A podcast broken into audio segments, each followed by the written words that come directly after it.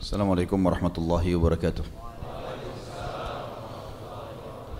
Alhamdulillah tidak henti-hentinya kita panjatkan puja dan puji kita kehadirat Allah Zat yang maha kuat, maha adil, maha bijaksana Maha melihat, maha mendengar, maha mengetahui segala sesuatu yang gaib dan yang zahir. Tidak beranak dan tidak diperanakkan. Satu-satunya pencipta, pemilik, penguasa, penyiap segala kebutuhan di alam semesta ini dan juga yang akan memusnahkannya. Dia telah menggantungkan segala kebutuhan kita dengan kalimat mulia Alhamdulillah. Maka sangat wajar kalau kita selalu mengucapkan kalimat ini. Juga kita panjatkan salam hormat kita kepada manusia terbaik yang telah diperintahkan oleh Sang Pencipta untuk dijadikan sebagai suri tauladan. Menciplak hidupnya adalah ibadah.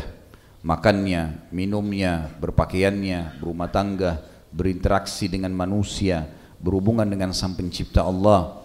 Sang Pencipta Allah telah memuliakan manusia terbaik ini karena ditutup risalah kenabian dan kerasulan dengannya dan dia satu-satunya nabi dan rasul yang diutus untuk seluruh alam semesta. Sang Pencipta Allah bersama malaikatnya mengucapkan salam hormat kepada manusia terbaik ini, maka sangat wajar kalau kita selalu mengucapkan salawat dan taslim kepada Nabi besar Muhammad sallallahu ala alihi wa sahbihi wasallam. Seperti biasa saudara seiman, sebulan sekali tablik akbar tentang sahabat dan membahas tentang manusia-manusia terbaik ini adalah sesuatu yang sangat luar biasa. Baru kita membahas saja di pengajian seperti ini dari lembaran-lembaran kertas, tapi kita sudah bisa merasakan bagaimana hangatnya iman-iman mereka, bagaimana efek daripada iman dan perbuatan mereka itu sangat besar kepada kita semua. Kita bisa rasakan bagaimana kehangatan keimanan mereka. Baru membaca saja lembaran-lembaran hidup mereka Kita sudah bisa merasakan kehangatan keimanan. Saya tidak bisa bayangkan pada saat kita hidup sezaman dengan mereka saudaraku seiman. Melihat secara fisik Mendengar langsung dari lisan mereka Berjuang bersama mereka.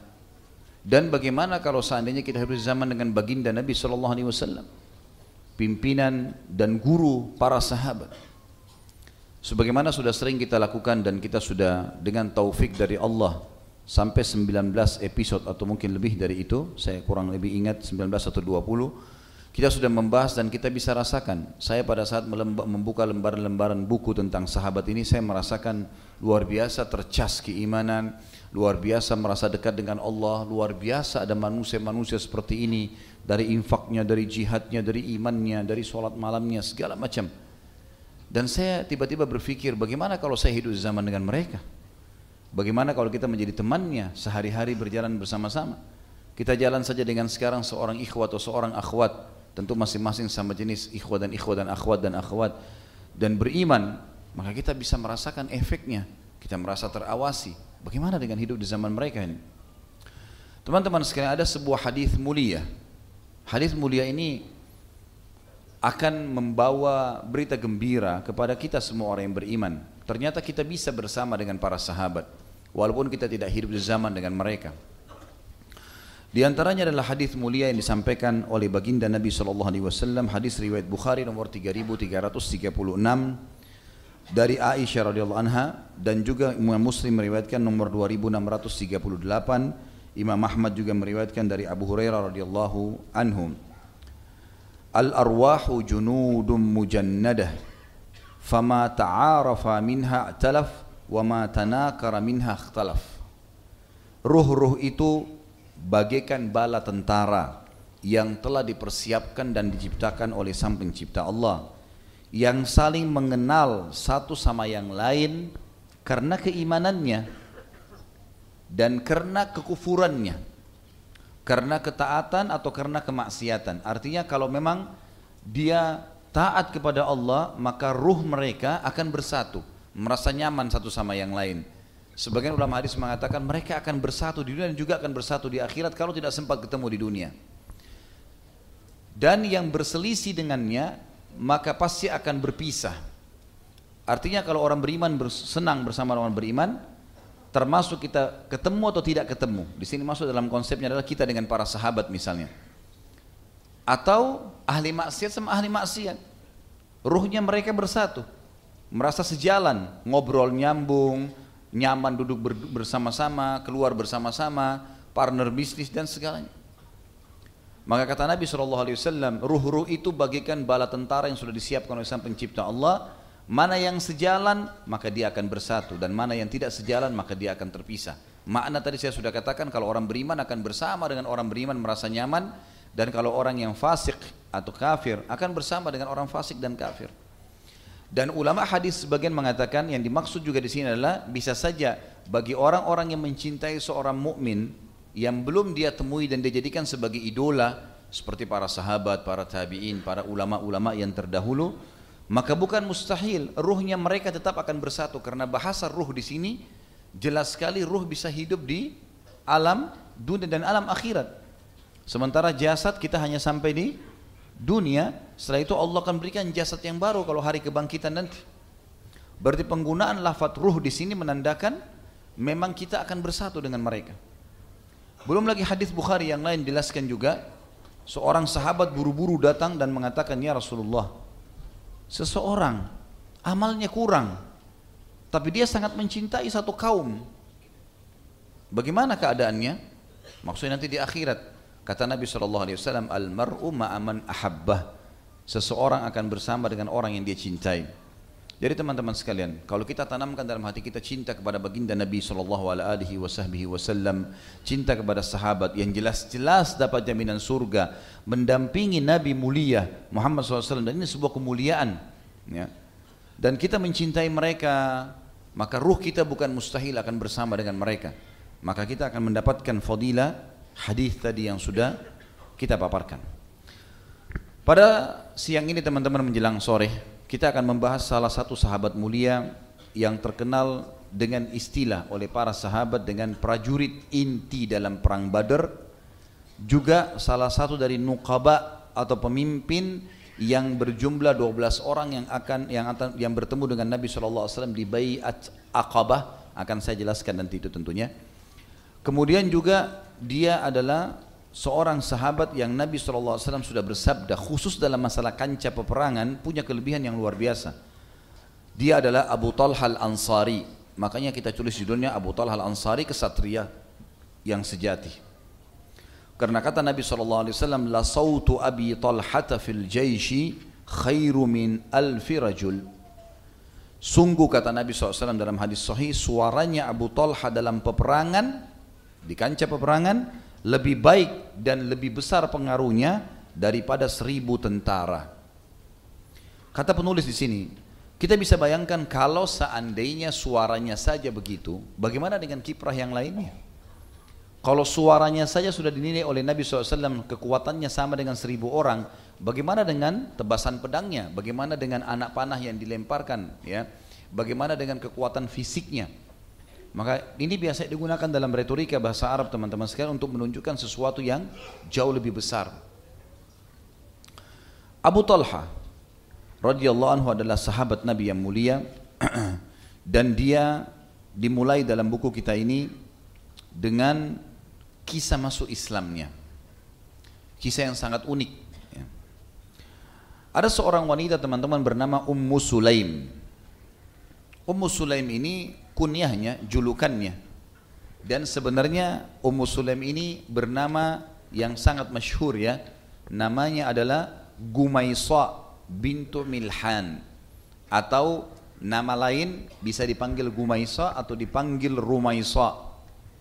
Yang sering kita dengar atau kenal masyhur namanya adalah Rumaisa radhiyallahu anha.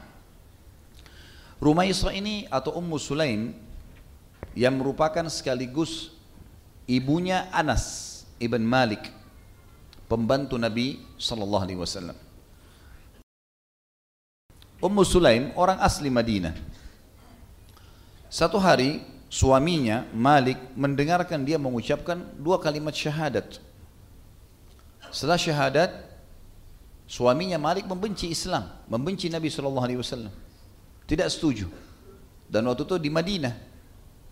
Belum ketemu dengan Nabi sallallahu alaihi wasallam tapi tergak terpengaruh dengan dakwanya Mus'ab bin Umair radhiyallahu anhu maka Malik marah dengan istrinya pada saat dia marah dia mencaci maki istrinya kemudian dia memaksa untuk kembali kepada ajaran nenek moyang tapi Ummu Sulaim menolak Dengan hikmah Allah Malik keluar dari rumahnya, ketemu dengan musuhnya, sama-sama orang Madinah tapi musuh dia, berantem, berkelahi, akhirnya terbunuh. Matilah si Malik ini. Dalam keadaan kufur tentunya. Kemudian Ummu Sulaim radhiyallahu anha berharap pahala di sisi Allah SWT dan dia berkata dalam statement yang masyhur saya akan bersabar dan berharap pahala dari sisi Allah dengan kematian Malik padahal saya berharap dia tadinya juga masuk Islam dan saya tidak akan menikah kecuali Anas memang berpikir untuk dia memiliki seorang ayah. Lalu kemudian Ummu Sulaim pun berusaha membesarkan Anas ibn Malik hijrahlah Nabi SAW tolong maaf bagian akhwat uh, agak merapat di belakang karena tempatnya sempit. Jadi kalau bisa merapat, merapat. Bagian akhwatnya, permintaan panitia untuk merapat supaya bisa lebih longgar bagi teman-teman yang masih belum dapat tempat.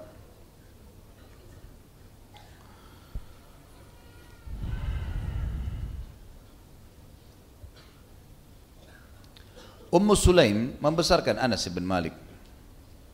Sebelum hijrah Nabi SAW ke Madinah, Abu Talha, salah satu pimpinan dari orang Ansar, orang Madinah, kaya raya, gagah, terkenal kuat secara fisik. Dia kagum melihat Ummu Sulaim yang waktu itu memang masih muda dan punya anak satu Anas dan terkenal Ummu Sulaim ini bukan seperti wanita umumnya, tidak pernah bertemu sama laki-laki, tidak interaksi dan memang dia orangnya terkenal baik. Maka Abu Talha menawarkan diri, Hai Ummu Sulaim, saya berminat untuk menikahimu. Maka Ummu Sulaim mengucapkan kalimat, Wahai Abu Talha, sungguhnya saya seorang wanita muslimah dan tidak layak menikah dengan orang musyrik. Dan pada saat itu teman-teman sekalian terkenal berita di Madinah kalau siapa pun wanita dilamar oleh Abu Talha pasti diterima. Orangnya gagah, tinggi, putih, kaya, kuat secara fisik, banyak kelebihan. Melamar dan pada saat itu sebagian riwayat menjelaskan Abu Talha belum menikah pada saat itu. Dan dia melamar seorang janda punya anak. Dia kaget pada saat Ummu Sulaim mengucapkan kalimat tadi. Abu Talha pulang berpikir, ada masalah apa sebenarnya? Kok bisa ada seorang wanita yang dia anggap pada saat itu janda, punya anak, kemudian menolak dia. Dia merasa dan yakin pada itu tidak mungkin ditolak. Lalu dia telusurin kembali beritanya. Apakah memang muslim ini layak saya ulangi lamaran saya? Ditelusuri lagi memang betul ditemukan betul-betul Ummu Sulaim tidak bertemu tidak tidak interaksi sama laki-laki dan dia dapatkan informasi kalau Muslim ini sudah masuk Islam. Abu Talha itu masih dalam keadaan kafir ya. Masih nyembah berhala. Dan dia terkenal di kalangan muslimin dan di kalangan orang-orang musyrik pun di Madinah pada saat itu. Karena ini sebelum hijrah Nabi SAW ke Madinah adalah orang yang sangat baik, sangat soleh dan terkenal juga punya kecantikan. Maka Abu Talha mengulangi lagi lamarannya dengan menjanjikan mahar lebih besar. Ternyata Ummu Sulaim mengulangi kalimat tapi lebih santun sekarang. Ummu Sulaim mengatakan dalam riwayat yang sahih, Wahai Abu Sulaim, maaf, wahai Abu Talha, demi Allah orang sepertimu tidak layak atau tidak pantas untuk ditolak. Maksudnya kau punya kelebihan segala-galanya. Tapi engkau adalah laki-laki kafir dalam pandangan Islam dan aku adalah seorang wanita muslimah. Aku tidak boleh menikah denganmu dalam agama ini. Tapi jika engkau mau masuk Islam, maka aku akan jadikan Islammu itu sebagai mahar. Silakan. Kau syahadat, nikahi saya. Dan saya tidak butuh apa-apa. Saya cuma minta kamu syahadat, itu maharnya. Abu Talha bingung pada saat itu. Kok bisa sampai seperti ini wanita sampai dia mau menerima lamaran? Dan pada saat itu terkenal sekali sebelum uh, masuk Islam Madinah sebelum Nabi SAW hijrah. Artinya belum Islam merata dan belum hijrah Nabi SAW terkenal Madinah dengan mahar yang sangat tinggi.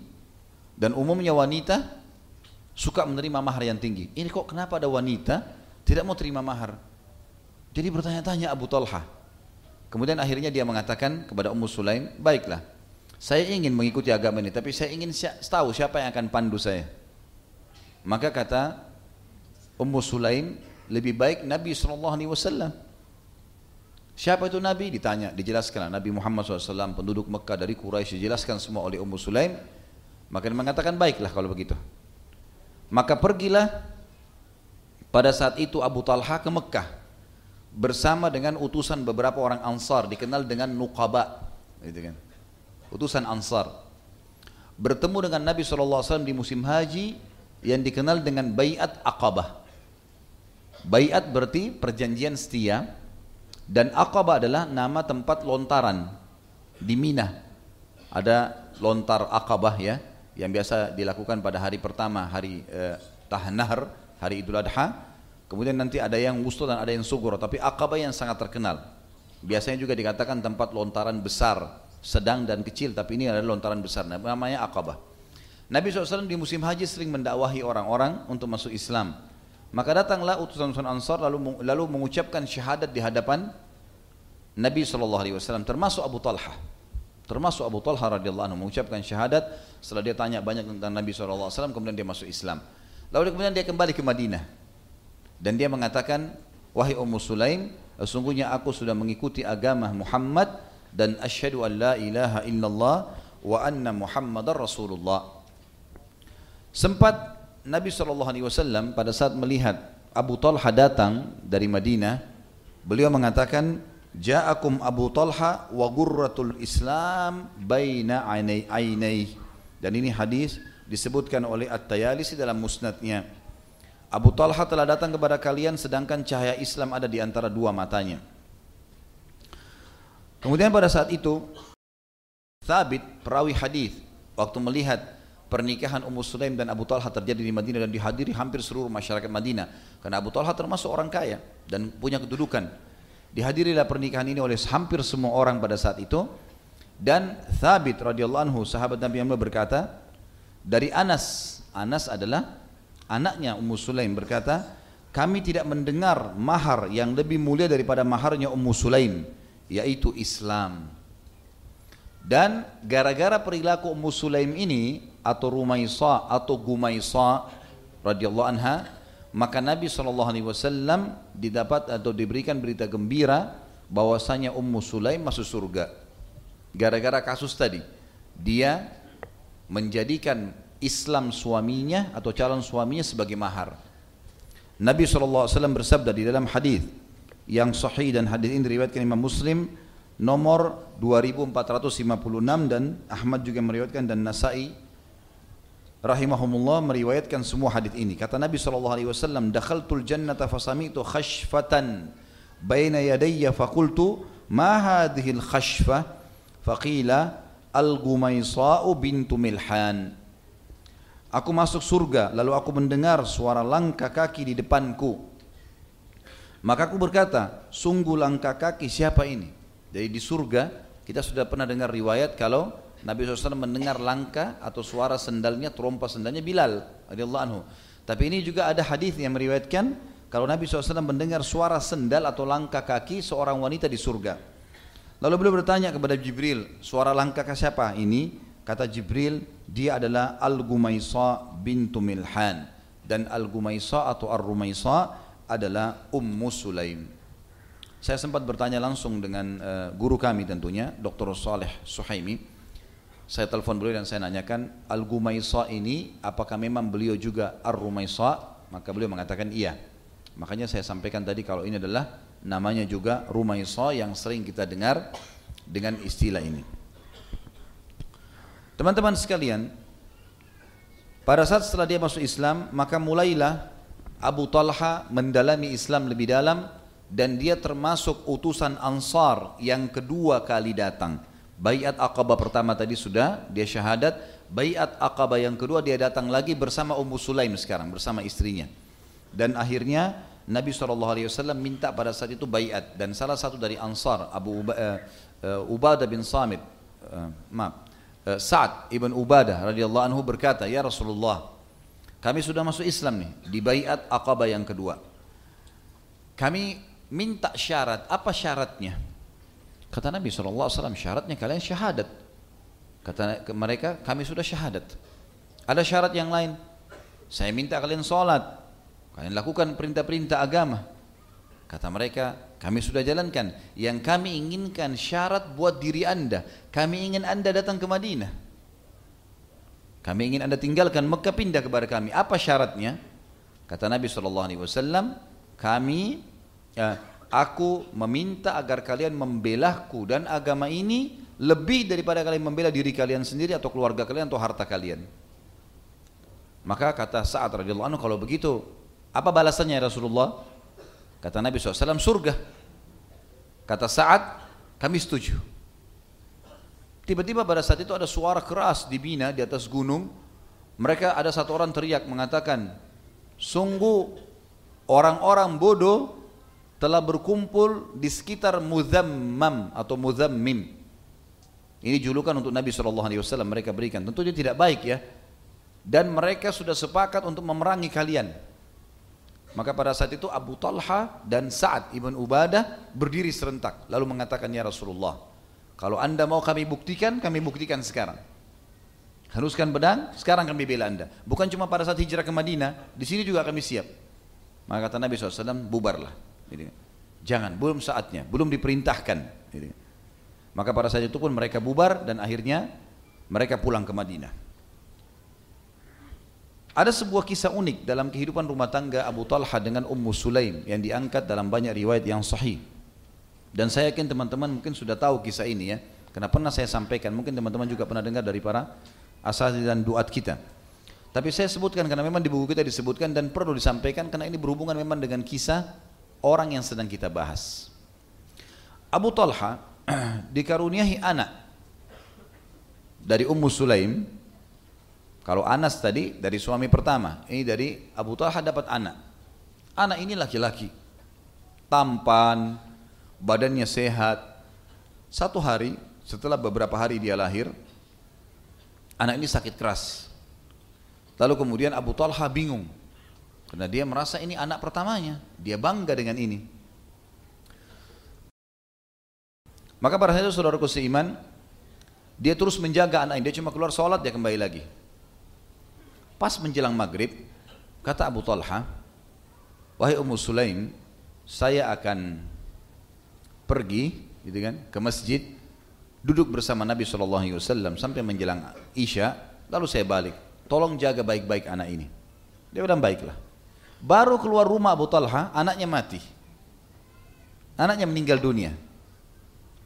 Lalu Ummu Sulaim berkata kepada Anas, anaknya, dan orang-orang ada di rumahnya, ada beberapa orang pembantunya di rumah, dia mengatakan, saya memohon dan meminta kepada kalian jangan ada yang sampaikan ke Abu Talha tentang keadaan anaknya sampai saya sendiri ceritakan.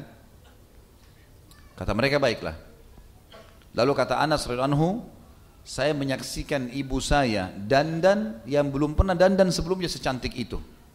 Dengan sangat cantik, sangat wangi, rumah dibersihkan, lalu dia masak masakan yang sangat enak sambil menunggu Abu Talha balik sambil menunggu Abu Talha balik habis Isya Abu Talha balik.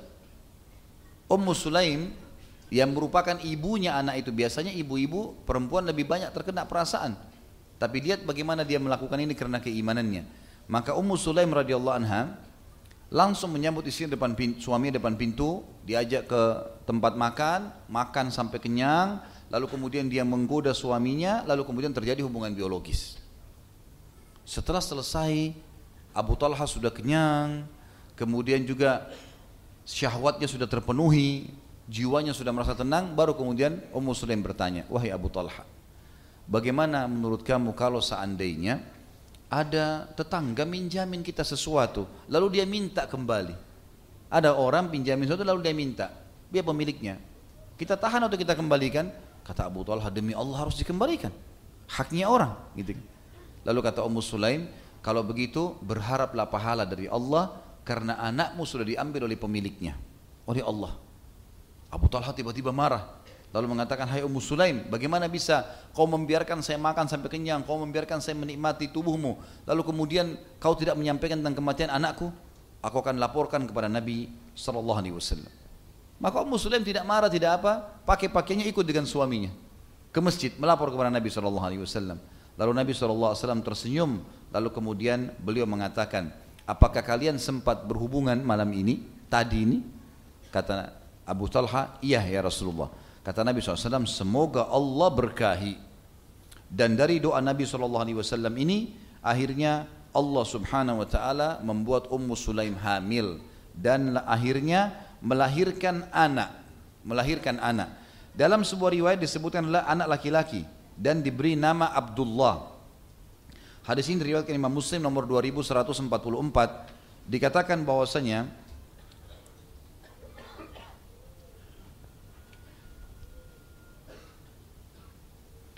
Abu Talha bertemu dengan Nabi SAW sambil membawa bayi yang baru dilahirkan Ummu Sulaim setahun kemudian ya, sembilan bulan kemudian. Lalu kemudian kata Abu Talha aku meletakkan maaf Anas bin Malik meriwayatkan. Anas bin Malik mengatakan aku membawa adikku yang baru lahir dari ayahku Abu Talha dari ayah dari suami ibuku Abu Talha. Dan aku membawa dan meletakkan adikku di pangkuan Nabi Shallallahu Alaihi Wasallam. Lalu Nabi Shallallahu Alaihi Wasallam meminta satu biji kurma ajwa Madinah, kemudian beliau mengunyahnya atau namanya biasanya tahnik dalam mulutnya sampai lembut lalu beliau memasukkan ke dalam mulut bayi tersebut. Dan bayi tersebut lalu kemudian mengisapnya. Maka Rasulullah SAW bersabda, lihatlah bagaimana orang-orang Ansar sangat menyukai kurma. Lalu beliau mengusap kepala bayi tersebut dan memberikan nama Abdullah. Seorang laki-laki Ansar berkata, aku melihat Abdullah ini mempunyai sembilan orang anak. Seluruhnya hafal Al-Quran karena berkah daripada perbuatan Ummu Sulaim. Jadi sebuah kejadian dalam rumah tangga mereka. Nanti kan kita ambil pelajaran tentunya. Kita sekarang masuk teman-teman sekalian pengalaman Abu Talha dalam peperangan. Abu Talha adalah seorang laki-laki yang sangat terkenal memiliki suara yang keras. Suara yang keras di sini bukan berarti negatif ya, kecuali orang menggunakannya untuk teriak-teriak gitu. Tetapi yang dimaksud di sini teman-teman sekalian adalah suara yang keras di kancah peperangan dan ini sangat dibutuhkan. Di zaman dulu tidak ada pengeras suara, maka sangat dibutuhkan dan memang orang-orang yang punya suara keras biasanya mereka diletakkan di empat titik ya pasukan di bagian depan kanan, kiri depan, belakang kanan dan belakang kiri. Nanti mereka akan mengeraskan suara baik dalam membaca Al-Quran, baik dalam menyampaikan instruksi-instruksi dan suara mereka bisa sampai ke seluruh pasukan karena kerasnya. Dan itulah yang disebabkan sabda Nabi SAW keluar tadi, La sautu Abi Talha fil jaishi khairun min alfi rajul. Sesungguhnya suara Abu Talha dalam pasukan lebih baik daripada seribu tentara. Dalam riwayat lain kata Nabi SAW, La sautu Abi Talha fil jaishi khairun min fi'ah. Sesungguhnya suaranya Abu Talha dalam pasukan lebih baik daripada sekelompok pasukan. Jadi beberapa kelompok pasukan Abu Talha lebih baik walaupun dia sendiri. Di perang Badar, beliau menjadi salah satu pasukan inti Nabi SAW di depan yang mengeraskan suara untuk memotivasi para sahabat dan memang suaranya berhasil memotivasi para sahabat dengan syair-syair yang masyhur yang dia sebutkan untuk memotivasi para sahabat. Tapi yang mengukir sejarah yang tidak terlupakan adalah kehadiran Abu Talha di dua peperangan bersama Nabi SAW di perang Uhud dan di perang Hunain. Di perang Uhud teman-teman sekalian, pada saat 50 pemanah Nabi SAW, 43 orang akhirnya turun dari bukit, kemudian mereka ya dibunuh oleh pasukan Khalid bin Walid, ma, uh, masuk dalam uh, bergabung dengan pasukan muslimin, lalu kemudian mereka sibuk dengan harta ganima, lalu pasukan Khalid bin Walid membunuh tujuh orang di atas bukit pemanah, lalu kemudian manuver dan membunuh lagi banyak pasukan muslimin. Sempat muslimin terdesak. Dan Nabi SAW sempat jatuh di salah satu lubang yang dibuat oleh orang-orang munafikin di Madinah di, di sekitar lokasi Uhud. Dan Nabi SAW sempat dipukul pundaknya dengan pedang ya, oleh Ibnu Kami'ah kemudian beliau mengatakan saya merasakan sakitnya sampai sebulan kening beliau sempat berdarah gigi beliau sempat pecah dan seterusnya ya pipi beliau sempat tertancap dengan besi yang memang ada di topi besi beliau ada rantainya itu tempat tertancap di pipi Nabi SAW. Pada saat itu muslimin sangat terdesak dan ada uh, dua orang yang punya pengaruh sangat besar sekali di sini. Ya. Yang pertama Abu Talha dan yang kedua Talha bin Ubaidillah. Abu Talha terkenal sekali. Apa yang dia lakukan? Dia begitu melihat Nabi SAW terdesak, jatuh di lubang maka dia datang dan menarik Nabi SAW untuk keluar Kemudian beliau menutup badan Nabi SAW dengan badannya, menghadap ke musuh. Lalu kemudian Abu Talha mengatakan, Ya Rasulullah, lindungilah, jadikanlah tubuhku sebagai tameng buat anda. Abu Talha terkenal pemanah yang ulung. Maka Nabi SAW mengatakan, baiklah, Kalau begitu saya akan lihat ke musuh, kamu yang memanah. Setiap ada muslim yang lewat, bawa kotak busur panah dikatakan Nabi SAW berikan kepada saya. Lalu kemudian disuruh berikan kepada Abu Talha. Dan Abu Talha pun akhirnya memanah ke arah musuh. Setiap satu panah membunuh satu musuh kafir. Pada saat itu. Padahal jaraknya sangat jauh. Kata Abu Talha, sampai-sampai saya sempat melepaskan panah yang tidak ada kepalanya. Kayu saja. Tapi membunuh orang kafir. Dengan kuasa Allah pada saat itu.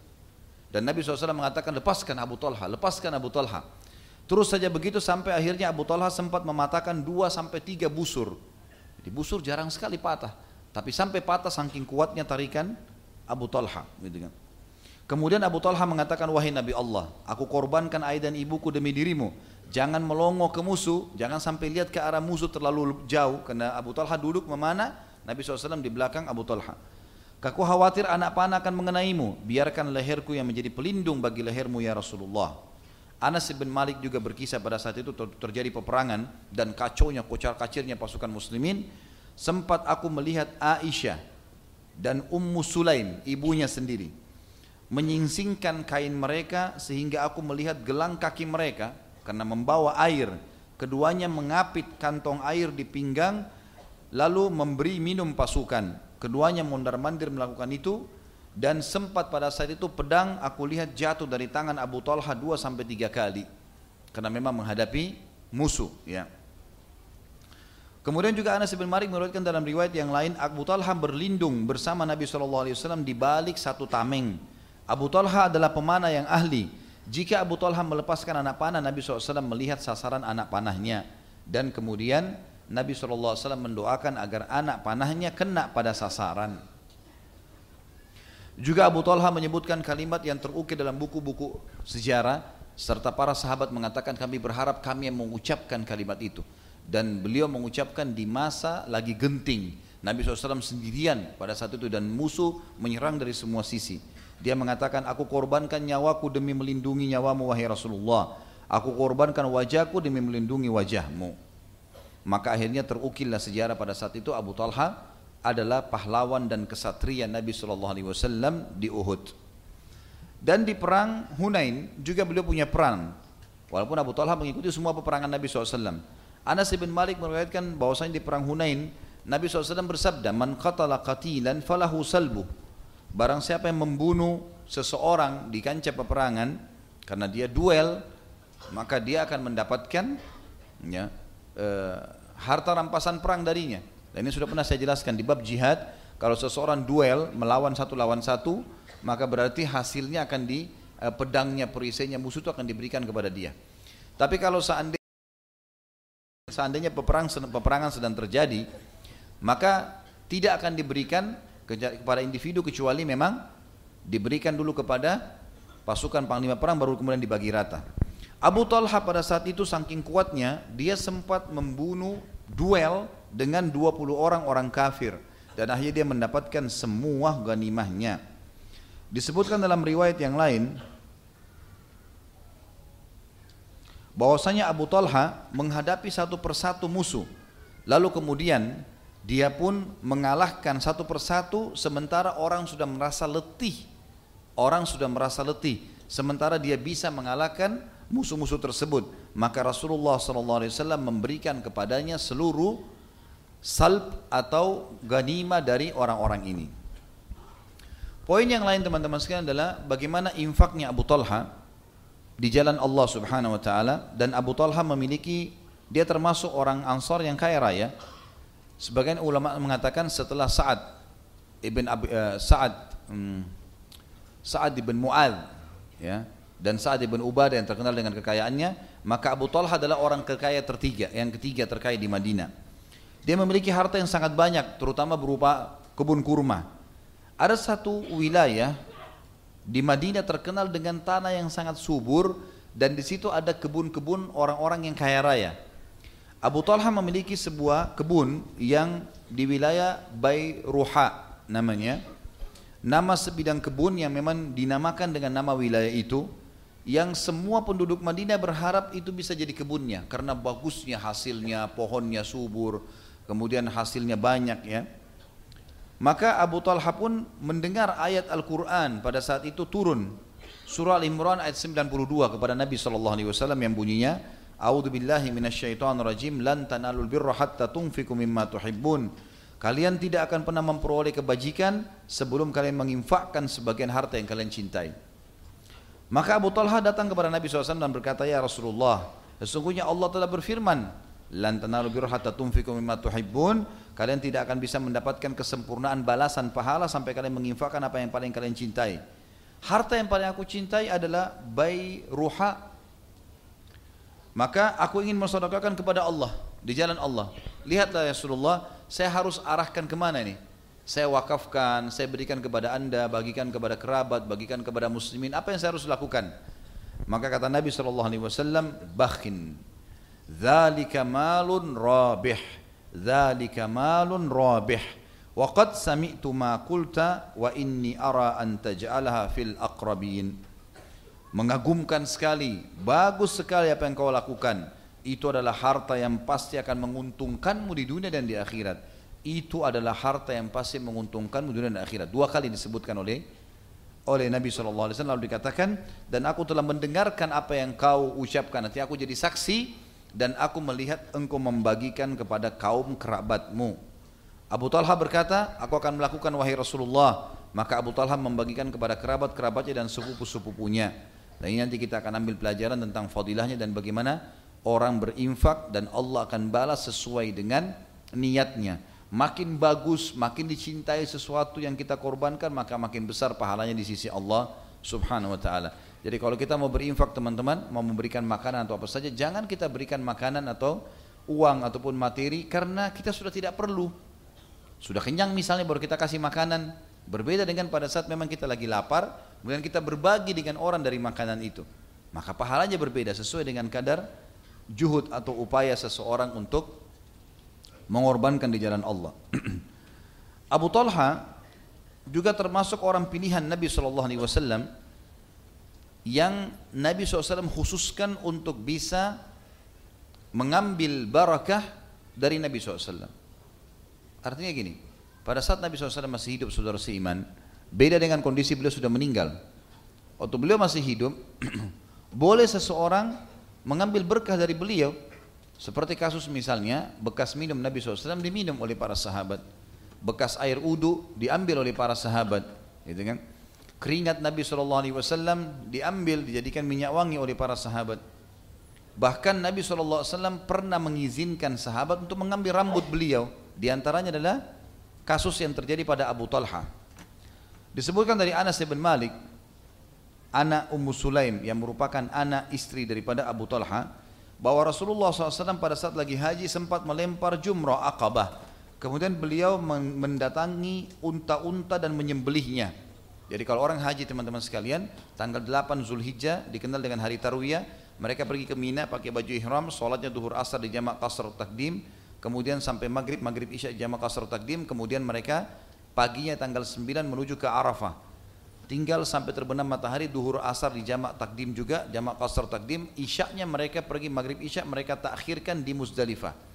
Besok pagi hari raya Idul Adha hari nahar kaum jemaah haji atau para jemaah haji boleh membuka ihram tapi salah satu tapi syaratnya harus mengerjakan salah satu dari tiga hal.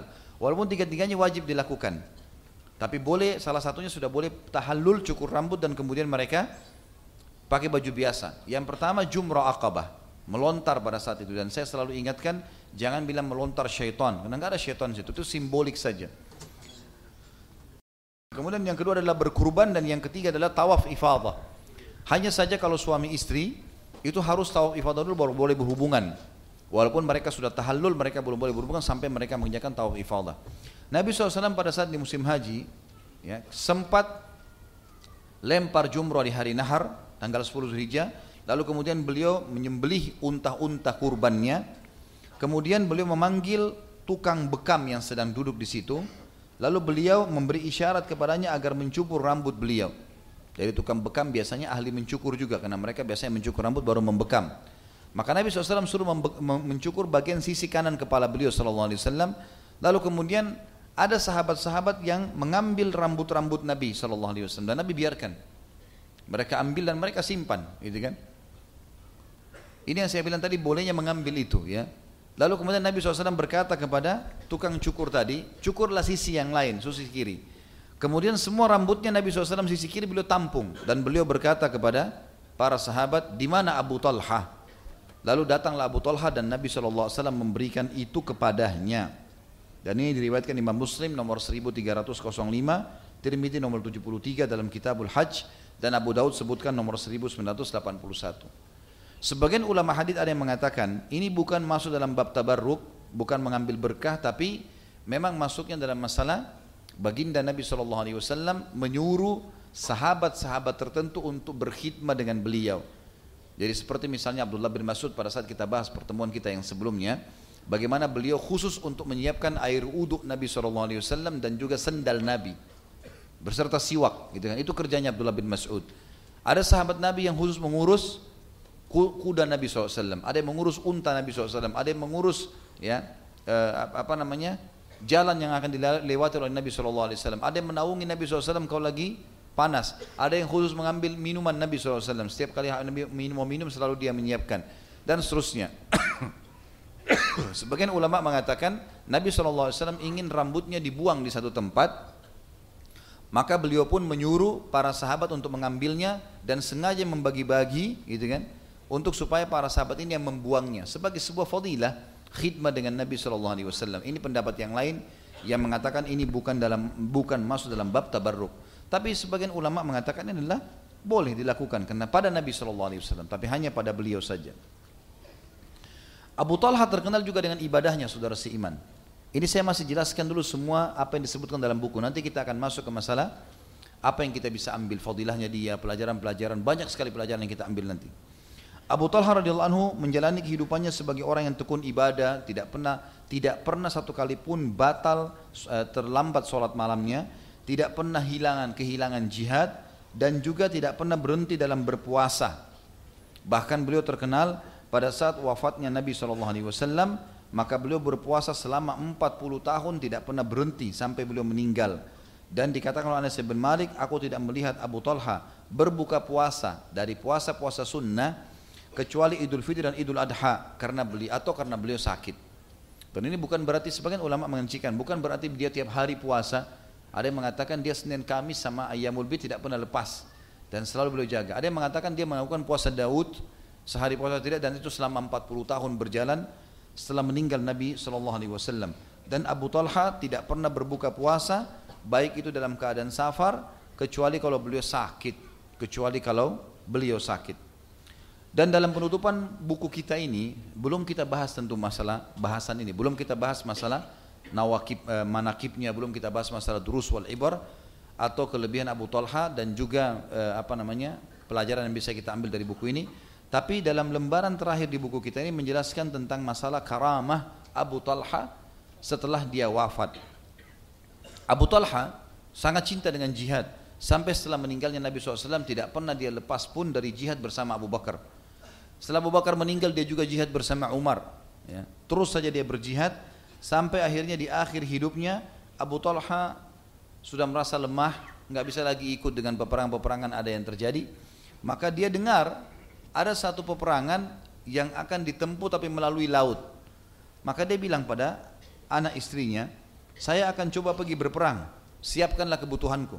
Lalu mereka bilang, siapa yang akan siapa yang akan mendampingi anda? Dan dia sudah tua. Dia mengatakan, bukankah Allah telah menyuruh kita untuk pergi?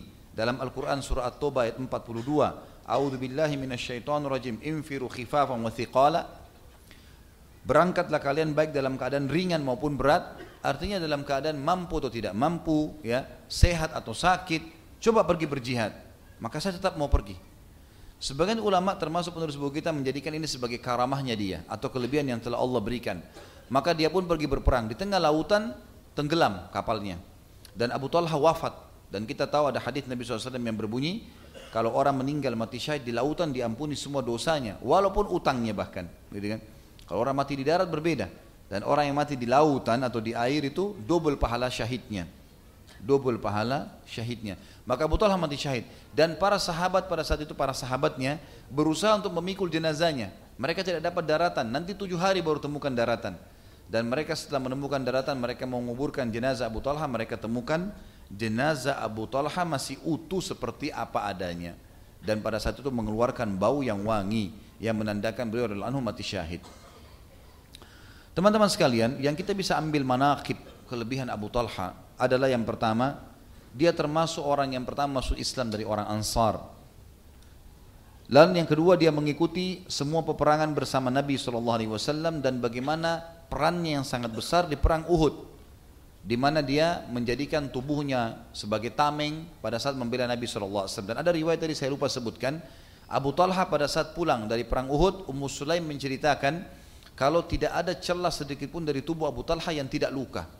Ditemukan lebih dari 70 luka di tubuh Abu Talha, baik tombak, anak panah, sabetan pedang, karena dia memang menjadikan Abu Talha, eh, Nabi SAW sebagai ya, lindungannya, dia melindungi Nabi SAW dan juga bagaimana perannya dalam membunuh 20 orang kafir dalam duel. Dan ini sangat sulit tidak semua orang bisa melakukannya. Orang mungkin mengalahkan dua orang tiga orang kalau duel ya. Karena membunuh satu orang sulit sekali tapi di sini dia bisa membunuh 20 orang di perang Hunain. Kemudian yang ketiga teman-teman sekalian dia salah satu dari orang Ansar yang sempat membaiat Nabi SAW sebagaimana tadi sudah kita sebutkan di bayat Aqabah yang pertama dan akhirnya menjadi salah satu juga dari utusan orang-orang Ansar di bayat Aqabah yang kedua. Kelebihan juga Abu, uh, Abu Talha yang keempat adalah dia memilih istri yang salihah. Dan bagaimana dia menikah dengan Ummu Sulaim dan Ummu Sulaim menjadi sebaik-baik istri untuknya yang memotivasi dia untuk berjihad, yang bisa melahirkan anak yang soleh buat dia, menyabarkan dia pada saat anaknya meninggal dan seterusnya. Yang kelima, bagaimana kesabaran Abu Talha pada saat anaknya meninggal dan kita lihat tadi akhirnya dia melapor kepada Nabi SAW dan dia bisa menerima apa yang sedang Allah cobakan yang keenam adanya karamahnya. Adanya kelebihan tadi pada saat dia mati, jenazahnya tidak hancur selama tujuh hari atau tidak bau. Dan juga bagaimana kekuatan imannya dalam bersedekah pada saat dia menyumbangkan bayi ruha tadi wilayah atau perkebunan yang sangat dia cintai. Yang ketujuh, bagaimana zuhudnya dan bagaimana ibadahnya yang sangat besar. Termasuk tidak pernah ketinggalan satu kali pun sholat malam, tidak pernah ketinggalan satu kali pun puasa-puasa yang telah dianjurkan. Begitu pula jihad, di tiga zaman di zaman Nabi SAW Abu Bakar dan Umar semuanya diikuti oleh Abu Talha kemudian yang terakhir teman-teman sekalian dalam masalah manakibnya adalah bagaimana dia akhirnya mendapatkan apa yang telah dijanjikan oleh Nabi SAW untuk orang yang mati syahid dan Nabi SAW sudah memberikan berita gembira kepada dia kalau dia akan mati syahid saya akan masuk ke inti bahasan kita teman-teman masalah durus wal ibar. Dan ini akan panjang lebar kita paparkan. Yang pertama dari pelajaran yang bisa kita ambil, pentingnya orang mempelajari tentang keadaan sahabat dan bagaimana mereka manusia biasa seperti kita.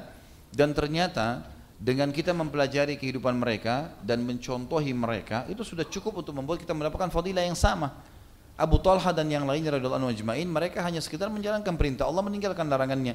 Tapi mereka komitmen sampai meninggal akhirnya mereka mendapatkan apa yang dijanjikan oleh Nabi SAW dan semua ulama sunnah sepakat mengatakan apa pun yang dijanjikan kepada para sahabat yang sifatnya fadilah penyebab masuk surga itu bisa didapatkan oleh siapa pun yang datang setelah mereka yang mengikuti langkah-langkah para sahabat ini. Yang kedua teman-teman sekalian, bagaimana pentingnya seseorang menikah dengan dan memilih wanita salehah sebagai istrinya. Dan kita lihat bagaimana perannya Ummu Sulaim dalam masalah ini. Bagaimana dia betul-betul bisa menjadi istri yang soleha walaupun dia janda. Dan saya sudah pernah bilang teman-teman janda dan gadis bukan sebuah hal yang harus. Walaupun kalau bertemu antara janda sama gadis maka gadis didahulukan. Tetapi bukan aib orang menikah dengan janda. Apalagi kalau memang orang itu dasarnya soleha Ummu Sulaim seorang janda. Abu Talha belum menikah tapi dia menikah dengan Ummu Sulaim karena melihat kesolehannya dan memang betul apa yang didapatkan. Dan kata para ulama pendidikan pertama bagi anak dari bagi dari semua laki-laki muslim adalah bagaimana dia memilih istri yang salehah karena akan melahirkan anak-anaknya yang saleh gitu kan? Terbukti Abdullah yang lahir dari Abu Talha itu dikaruniai oleh Allah sembilan orang anak. Dia sendiri Abdullah hafal Quran sembilan anaknya juga hafal Quran. Artinya cucu anak dan cucu dari Abu Talha semuanya hafal Quran bersama dengan Abu Talha dan Ummu Sulaim dan ini semua tidak lepas daripada peran daripada Ummu Sulaim yang merupakan istri soleha. Dan ini sangat berbeda dengan banyaknya orang sekarang wanita atau laki-laki yang mendahulukan wanita hanya karena kecantikannya, kelebihan fisik dan tidak berpikir masalah keimanannya. Dan Nabi SAW sudah ingatkan wanita dinikahi karena empat hal, hartanya, keturunannya, jalur nasabnya dan agamanya dan dahulukanlah agamanya hidupmu akan tenang. Ya, hidupmu akan tenang. Ini tentu salah satu kiprah saja dalam kehidupan Ummu Sulaim, tapi dia banyak melakukan hal-hal yang besar termasuk dalam setiap peperangan. Kalau Abu Talha mau pergi maka Ummu Sulaim yang paling pertama menjadi motivatornya. Pergilah wahai Abu Talha semoga engkau mati syahid dan engkau bisa memberikan syafaatmu untuk kami. Bahkan Ummu Sulaim ikut di kancah peperangan dan ikut membantu dengan memberikan minuman tadi. Yang ketiga teman-teman sekalian pelajaran adalah bagaimana bolehnya seseorang pada saat menikah wanita memberikan syarat mahar adalah keislaman calon mempelainya. Sebagaimana Ummu Sulaim tadi mengatakan, Islammu Abu Talha adalah maharmu.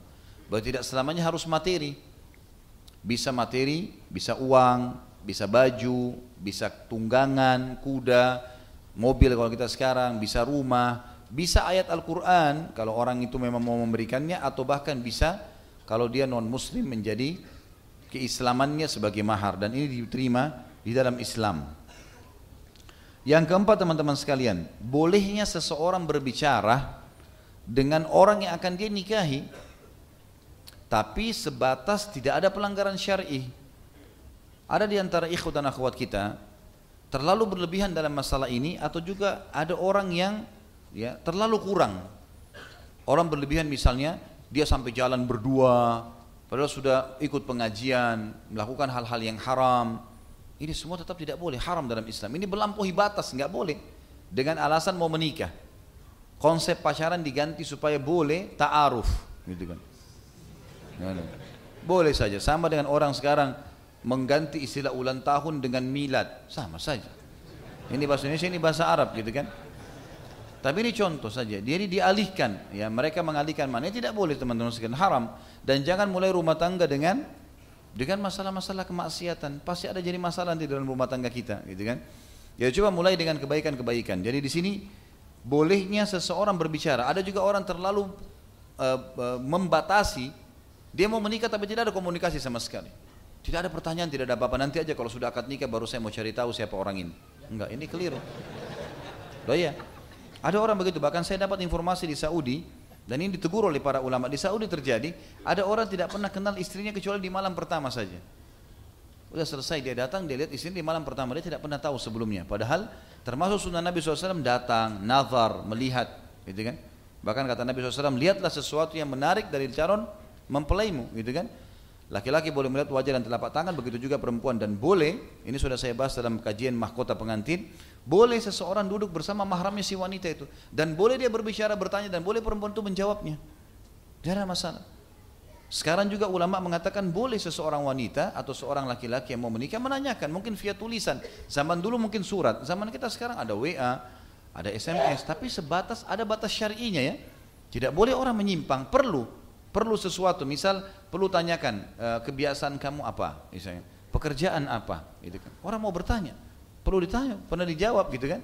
Baik saya seperti ini saya seperti ini. Sebatas memberikan informasi ini dibolehkan. Diambil daripada riwayat Abu Talha pada saat melamar Ummu Sulaim. Dan Ummu Sulaim berbicara kan. Saya nggak bisa karena saya muslimah. Kamu kafir saya nggak bisa nikah. Lalu Abu Talha kembali lagi kedua kali. Lalu menawarkan saya akan berikan kamu mahar lebih banyak. Menikahlah dengan saya Lalu kemudian Ummu Sulaim mengatakan lagi, Hai Abu Talha, orang seperti kamu tidak boleh ditolak. Kan terjadi komunikasi kan? Orang seperti kamu tidak bisa ditolak. Karena kamu adalah orang yang punya kelebihan banyak. Tapi saya muslimah, kamu kafir, gak bisa nikah. Kalau kau masuk Islam, saya jadikan sebagai maharnya. Saya nggak butuh duit sama sekali. Berarti ada komunikasi. Nabi SAW pada saat akan menikah, eh, pada saat ditawarkan diri oleh seorang wanita yang menghibahkan dirinya, Nabi SAW Wanita itu bilang, ya Rasulullah saya hibahkan diri saya pada anda. Bahkan penyampaian itu di masjid di depan para sahabat. Gitu kan? Ini dalil yang sangat jelas sekali. Lalu Nabi SAW dikatakan dalam riwayat sahih ini, menatap wanita tersebut dengan serius, melihat. Karena ini adalah penawaran pernikahan. Melihat wajahnya, melihat telapak tangannya, lalu Nabi SAW melihat tidak ada hajat. lalu beliau menawarkan pada sahabat akhirnya ada satu sahabat yang menikahinya. Berarti kan ada pembicaraan, gitu kan? Dan kita temukan banyak sekali riwayat di antara para sahabat ada yang menawarkan diri, ada juga yang uh, apa namanya? yang menolak dan susah tapi terjadi komunikasi. Yang penting tidak ada pelanggaran syar'i. Ada orang terlalu berlebihan dalam masalah ini akhirnya terjadi pacaran yang haram sebelum nikah. Ada orang juga yang terlalu berlebihan membatasi diri sehingga dia tidak tahu apa-apa tentang pasangannya.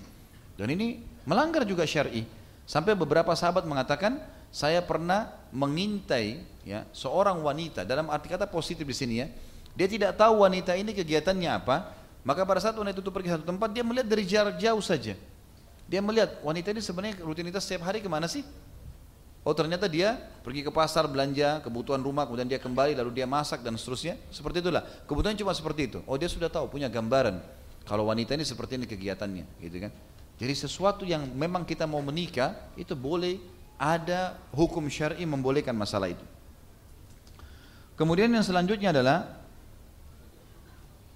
yang kelima di sini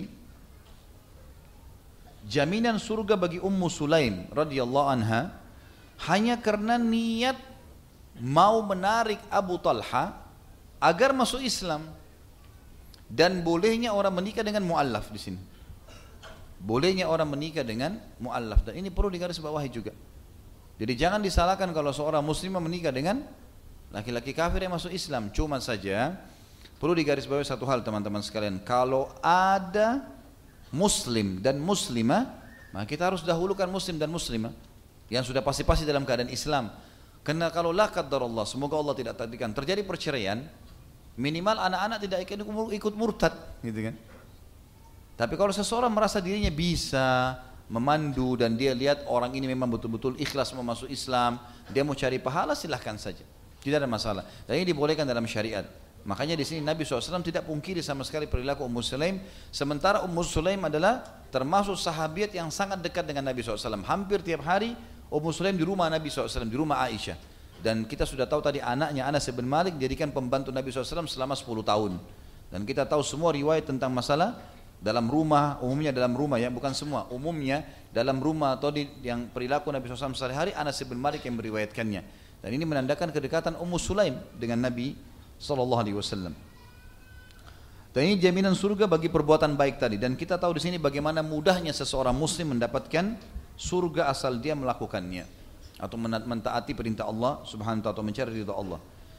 Yang keenam teman-teman sekalian adalah fadilah sabar. Fadilah sabar. Bagaimana seseorang sabar dalam menghadapi masalah dan kita sudah pernah jelaskan teman-teman sekalian sabar itu dalam tiga hal sabar dalam mengerjakan ketaatan, hadir di majelis ilmu, sabar. Sampai dulu teman-teman sekalian ada seorang ulama bernama Al-A'mash, ulama hadis. Al-A'mash ini kalau ngomong disebutkan dalam kisah beliau, itu kalau beliau ngomong sering kali ludahnya terlempar-lempar. Iya. Dan ini disebutkan oleh para ulama hadis. Jadi kalau murid-muridnya dulu di depan, alhamdulillah di sini di depan tidak ya. Itu kalau lagi ngomong pasti kena ludah sambil nulis. Tapi mereka sabar. Ya. Sering kali mereka selesai menulis hadis, yang penting dapat hadis, mereka mengusap wajah mereka karena ada ludah. Iya. Itu disebutkan dalam dalam dalam salah satu riwayat tentang beliau gitu ya. Tapi mereka sabar. Mereka sabar. Imam Ahmad pernah mencari ilmu satu hadis di ujung Irak satu bulan naik kuda. Ngejar satu hadis baru kembali lagi. Begitu sabarnya mereka dalam menuntut ilmu, begitu sabarnya mereka dalam beribadah, gitu kan? Selalu saja begitu. Sabar dalam mengerjakan ibadah dibutuhkan. Sabar yang kedua adalah sabar dalam meninggalkan kemaksiatan. Semua kita pasti terlintas kesempatan untuk berzina, kesempatan untuk dusta, kesempatan untuk riba, kesempatan untuk nipu, banyak. Kan gitu. Seorang kalau safar, tinggal di hotel sendirian, terbuka pintu zina, dia bisa panggil pezina, naudzubillah. Tapi dia sabar. Seseorang bisa saja nonton sesuatu di HP-nya, tapi dia sabar. Mungkin yang buruk misalnya, tapi dia sabar. Sabar dalam meninggalkan kemaksiatan. Dan yang ketiga, sabar dalam menghadapi cobaan harian. Dan kata para ulama, dua sabar yang pertama lebih penting daripada sabar yang ketiga. Maksudnya sabar dalam ketaatan, sabar dalam meninggalkan maksiat lebih penting daripada sabar dalam masalah cobaan harian. Walaupun di sini Abu Talha dan Ummu Sulaim dapat cobaan dari harian karena anaknya meninggal gitu kan anak yang meninggal. Dan kita dengarkan bersama-sama teman-teman beberapa ayat Al-Quran dulu berhubungan dengan sabar. Misalnya disebutkan di dalam Al-Quran surah Az-Zumar ayat 10. A'udhu billahi minasyaitonir rajim. Innama yulaqqas sabiruna ajrahum bighairi hisab. Sesungguhnya orang-orang yang sabar, dia kalau datang cobaan, karena pahala sabar dapat kalau lagi ada cobaan. Ada gangguan orang, ada fitnah, ada gibah, ada uh, diambil haknya, utang tidak dibayar, apalah segala macam gangguan-gangguan, butuh kesabaran. Di situlah butuh kesabaran. Dan sabar adalah menerima itu sebagai cobaan dari Allah dan ikhtiar mencari jalan keluar dari masalah itu. Dan orang-orang sabar akan mendapatkan balasan tanpa ada hisab. Di dalam ayat yang lain Allah Subhanahu wa taala juga berfirman, "A'udzubillahi minasyaitonirrajim wa basyiril mukhbitin alladzina idza dzukirallahu wajilat qulubuhum kulubuhum, والصابرين على ما أصابهم والمقيم الصلاة ومما رزقناهم mimma. Sampaikanlah berita gembira kepada orang-orang yang mukhbitin atau orang yang menundukkan dirinya kepada Allah. Yaitu orang-orang yang kalau diingat Allah, disebut Allah maka hati mereka menjadi lunak dan patuh serta orang-orang yang sabar terhadap apa yang diujikan kepada mereka dan orang yang suka mendirikan sholat dan juga menginfakkan apa yang kami berikan rezeki kepada mereka. Juga Allah puji orang-orang yang sabar masuk dalam kategori hamba-hamba Allah yang terpuji. Dalam surah Al-Ahzab surah nomor 33 ayat 35 Allah berfirman A'udzu billahi minasyaitonir rajim. Innal muslimina wal muslimati wal mu'minina wal mu'minat والمؤمنين والمؤمنات والقا والقائم والقانتين والقانتات والصادقين والصادقات. Lalu Allah datang menyebutkan was-sabirina was-sabirat والخاشعين والخاشعات والمتصدقين والمتصدقات والصائمين والصائمات والحافظين لفروجهم والحافظات والذاكرين الله كثيرا والذاكرات أعد الله لهم مغفرة وأجرا عظيما. Sesungguhnya seluruh muslim laki-laki dan muslimah perempuan, mukmin laki-laki dan mukminah perempuan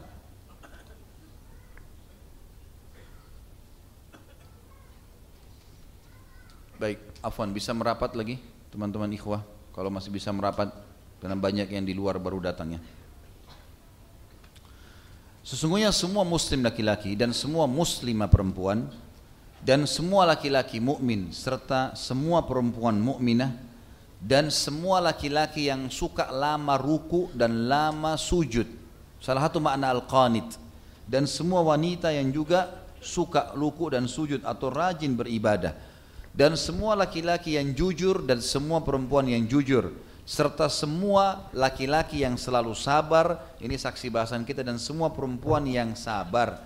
Dan semua laki-laki yang khusyuk selalu konsentrasi dalam ibadah dan semua perempuan yang khusyuk serta semua laki-laki yang suka berinfak atau bersedekah dan semua perempuan yang suka bersedekah dan semua laki-laki yang suka berpuasa serta semua perempuan yang suka berpuasa dan laki-laki yang suka menjaga kemaluan mereka tidak pada yang haram ya. Dan semua perempuan juga yang menjaga kemaluan mereka tidak diletakkan pada yang haram dan orang yang laki-laki yang banyak berzikir kepada Allah dengan zikir yang banyak dan perempuan yang banyak berzikir kepada Allah dengan zikir yang banyak semua itu termasuk orang sabar di sini adalah Allah janjikan bagi mereka pembersihan dosa-dosa mereka dan Allah akan berikan pahala yang besar juga dalam surah Al-Anfal surah nomor 8 ayat 46 Allah berfirman A'udzubillahi minasyaitonir rajim wasbiru innallaha ma'as sabirin. Selalulah bersabar, terima takdir Allah lagi sakit, lagi cobaan, lagi apa sabar, terima dulu itu, di situ pahalanya. Kemudian kita ikhtiar mencari jalan keluar. Sesungguhnya Allah selalu bersama dengan orang-orang yang sabar. Kalau ada cobaan teman-teman sekalian datang, seperti kasus tadi Abu Talha, dia sangat cinta dengan anak, tiba-tiba meninggal. Lalu Ummu Sulaim berusaha menghiburnya. Dia merasa kehilangan, tapi dia sabar di sini kan. Setiap kali orang yang sabar teman-teman sekalian, dia harus memahami satu hal. Artinya dia tidak sabar pun terjadi. Lalu bagaimana caranya? Artinya biar dia ribut juga tidak ada gunanya. Makanya Umar radhiyallahu anhu mengatakan, berbeda sekali antara orang yang diberikan cobaan oleh Sang Pencipta Allah lalu dia sabar sehingga dia dapat pahala dan dapat jalan keluar dari masalahnya dengan orang yang diberikan cobaan oleh sang pencipta Allah terus dia mengeluh, keluh kesah tetap aja harus sabar tetap aja harus sabar tidak ada pahalanya maka lebih baik kita bersabar gitu kan itu poin supaya kita mau bersabar dalam masalah Jadi tidak usah terlalu banyak berkeluh kesah teman-teman sekalian. Artinya kalau ada orang yang bertanya tentang masalah yang sedang kita hadapi dan kita butuh menjelaskan, kita boleh jelaskan. Tapi kalau semua orang kita ceritakan tidak perlu, gitu kan? Supaya kita tetap mendapatkan maksimal dari pahalanya. Hasan Basri mengatakan rahimahullah, puncak daripada kesabaran, pahala sabar adalah bila seseorang menahan lisannya dari penyampaian masalahnya dan dia hanya berkeluh kesah pada Allah dan pada ahlinya. Artinya memang misalnya dia sakit dokter, Misalnya dia konsultasi kepada para ulama, bukan semua orang, tetangganya, teman-temannya semua tahu masalah dia. Kemudian juga dalam dalam Al Imran ayat Al Quran Allah perintahkan kita di akhir surah Al Imran surah nomor 3 ayat 200 Allah swt berfirman A'udzubillahi rajim Ya ayuhalladzina amanu sabiru wasabiru warabitu wattaqullaha la'allakum tuflihun Hai orang beriman bersabarlah dan suruh orang-orang di sekitarmu bersabar. Wasiatkan itu, gitu kan? Dan saling membantu satu sama yang lain, eratkanlah hubungan dan bertakwalah kepada Allah agar kalian termasuk orang-orang yang beruntung. Ini kelebihan yang keenam atau pelajaran yang keenam tentang fadilah sabar. Berikut dengan dalil-dalilnya. Yang ketujuh teman-teman sekalian, perlunya seseorang itu jeli dalam memilih waktu dan tempat untuk berbicara. Memilih waktu, tempat dan juga kosakata untuk berbicara. Di sini saya jelaskan dari kejadian Ummu Sulaim pada saat jeli sekali bagaimana dia menyampaikan masalahnya kepada suaminya. Kata sebagian ulama hadis, Ummu Sulaim radhiyallahu anha dapat jaminan surga karena perilaku tadi masuk Islamnya Abu Talha dan bukan mustahil hadis yang tentang Nabi SAW mendengarkan telapak kakinya justru terjadi setelah dia menaruhkan Abu Talha masuk Islam dan Nabi SAW dengar dan juga setelah meninggalnya anaknya yang dia sabar dalam menghadapinya. Bukan seperti sebagian muslimah pada saat anaknya bukan cuma meninggal, sakit saja, dia tambah membuat suaminya bingung gitu kan. Maka ini akan menambah masalah, memperkeruh permasalahan. Tapi bagaimana ini anaknya meninggal dia masih bisa sabar, dia tahu ini adalah kuasa Allah SWT, apalagi meninggal adalah ajal, tidak mungkin bisa dihidupkan lagi kembali. Kemudian juga dia membuat suaminya sabar. Sebagaimana Al-Imran ayat tadi 70 eh, maaf ayat 200. Dan di sini memilih tempat, waktu untuk berbicara adalah sangat penting dalam masalah rumah tangga. Jangan marah pada saat pasangan lagi emo, jangan bicara pada saat pasangan lagi emosi. Kemudian kita memilih kosakata yang tepat ya supaya memang bisa selesai permasalahannya. Kalau tidak maka akan makin keruh. Dan pelajaran yang lain teman-teman sekalian tidak bolehnya seorang muslim dan muslimah mencampuri urusan orang lain tanpa ada haknya di situ. Misal, dia dengar berita seseorang terjadi masalah, suami istri misalnya, lalu dia ikut-ikutan campur di situ. Menunjukkan kepeduliannya, menunjukkan prihatinnya, nggak ada urusannya sama sekali. Karena dia tidak tahu mana yang benar, mana yang salah. Kenapa terjadi? Ya. Dia tidak tahu, apalagi kalau dia cuma dengar sepihak, maka bermasalah. Dan ini masalah ya. Kalau kita berhubungan teman-teman sekalian, dengan Allah Azza wa Jal, Allah yang maha tinggi dan maha pemurah, maka kasusnya bertaubat sudah selesai. Tapi kalau kita berhubungan dengan makhluk ini beda ini. Karena selain taubat kepada Allah harus wajib hukumnya seseorang itu untuk meminta maaf. Dan itu tidak gampang. Berapa banyak rumah tangga orang rusak malah karena campur tangan orang ketiga yang mau jadi pahlawan tiba-tiba. Bukan ahlinya, ya, tidak ada urusan sama dia gitu loh. Tidak kenal, Kalaupun kenal cuma dari jauh ini nggak boleh. Sama halnya juga memberikan nasihat kepada orang yang kita tidak tahu, kita bukan bidangnya.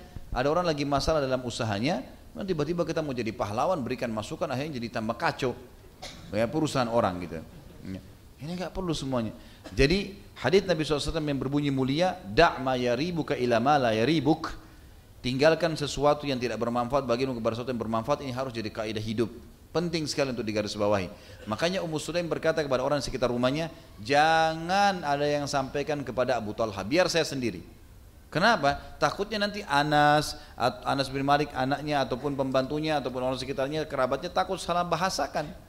Jadi dia yang mau menyampaikan karena dia tahu dia ahlinya. Artinya seakan-akan Ummu mau berkata, "Hai Abu Talha, kalau kau sedih saya juga sedih, saya ibunya, saya melahirkannya." Tapi saya bisa sabar, gitu kan? Maka ini penting teman-teman sekalian. Jadi sekali lagi jangan pernah campuri urusan-urusan orang lain kecuali kita ahlinya.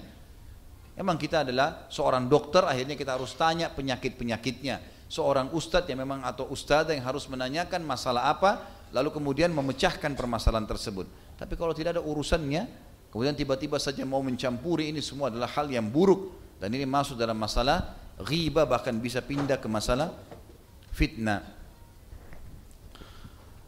Kemudian teman-teman sekalian, itu tadi yang ketujuh, yang kedelapan adalah fadilah jihad.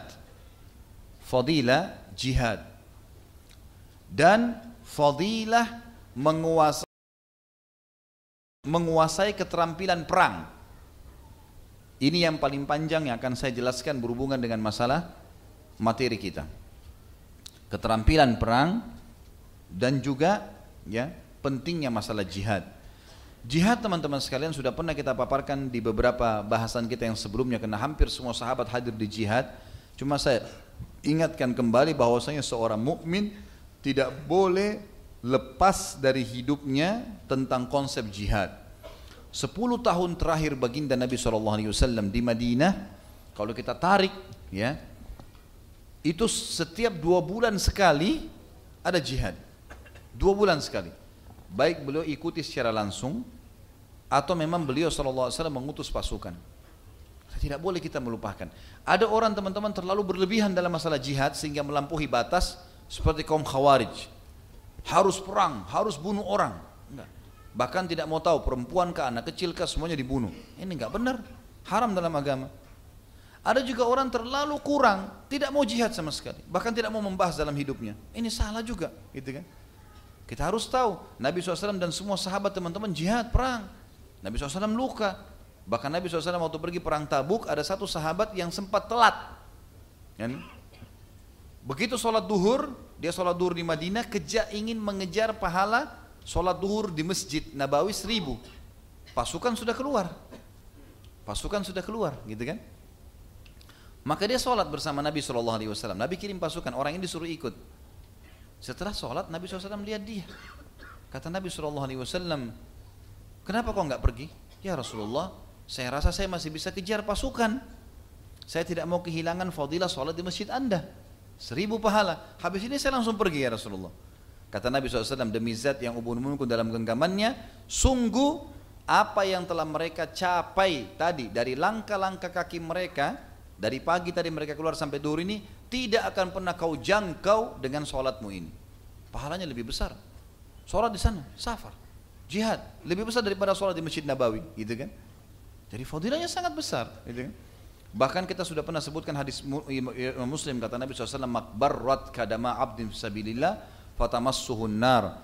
Tidak akan pernah disentuh api neraka dua telapak kaki yang pernah tersentuh debunya medan perang debunya saja.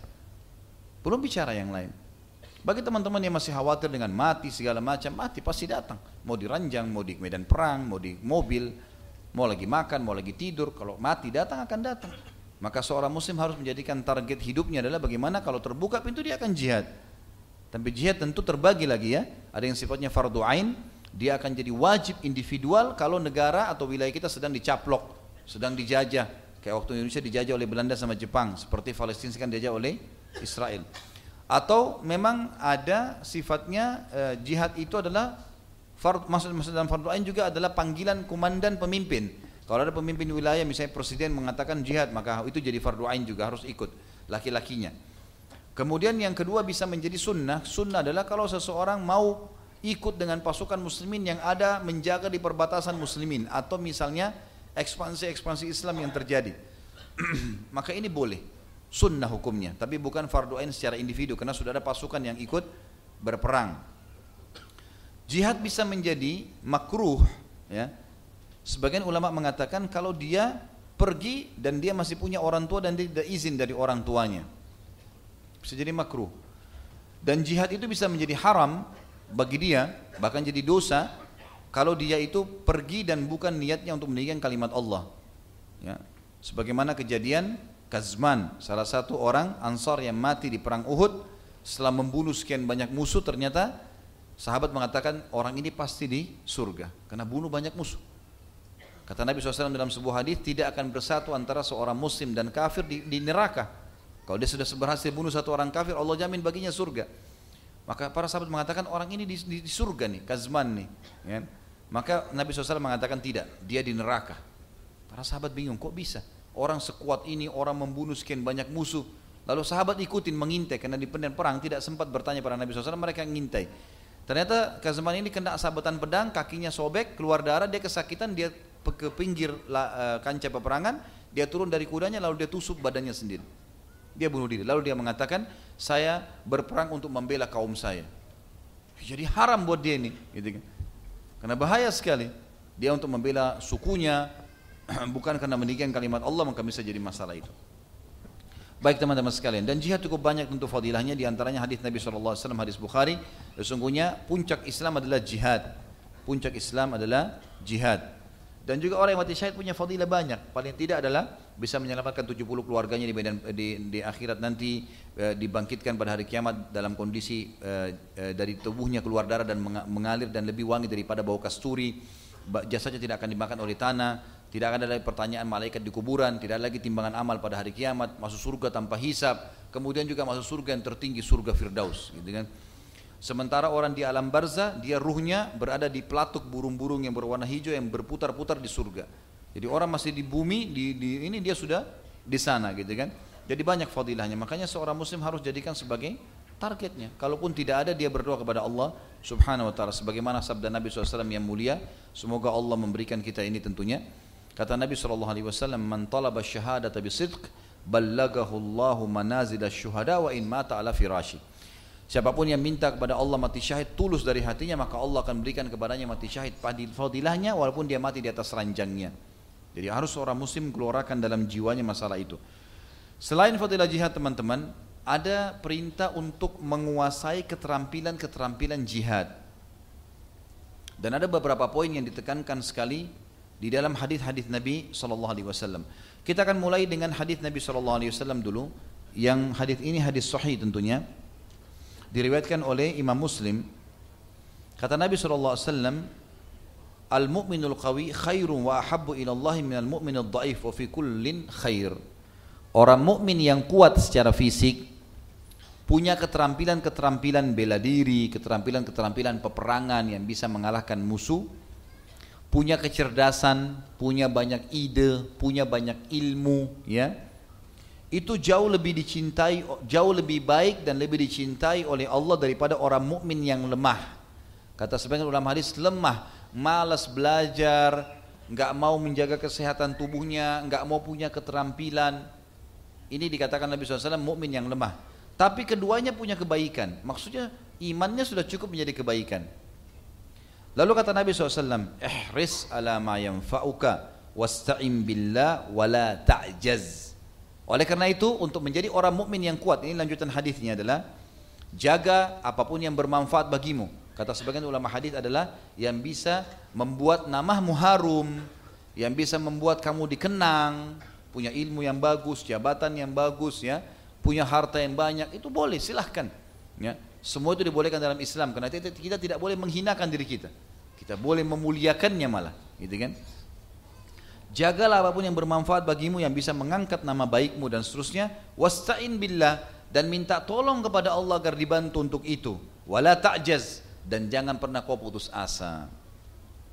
Lanjutan hadis dikatakan oleh Nabi SAW dan kalau kalian ditimpa sesuatu janganlah bilang kalau seandainya karena kalau seandainya membuka pintu syaitan. Dia selalu saja kita semangat, optimis untuk melakukan kebaikan-kebaikan. Baik teman-teman sekalian, di sini disebutkan oleh para ulama tentang masalah keterampilan perang yang perlu dimiliki sekaligus kalau kita bahasakan sekarang olahraga sebenarnya, gitu kan? Dan ini termasuk hal yang perlu digarisbawahi karena Nabi SAW melakukannya. Yang pertama, yang paling ditekankan adalah memanah. Memanah. Ini betul-betul ditekankan oleh Nabi sallallahu alaihi wasallam.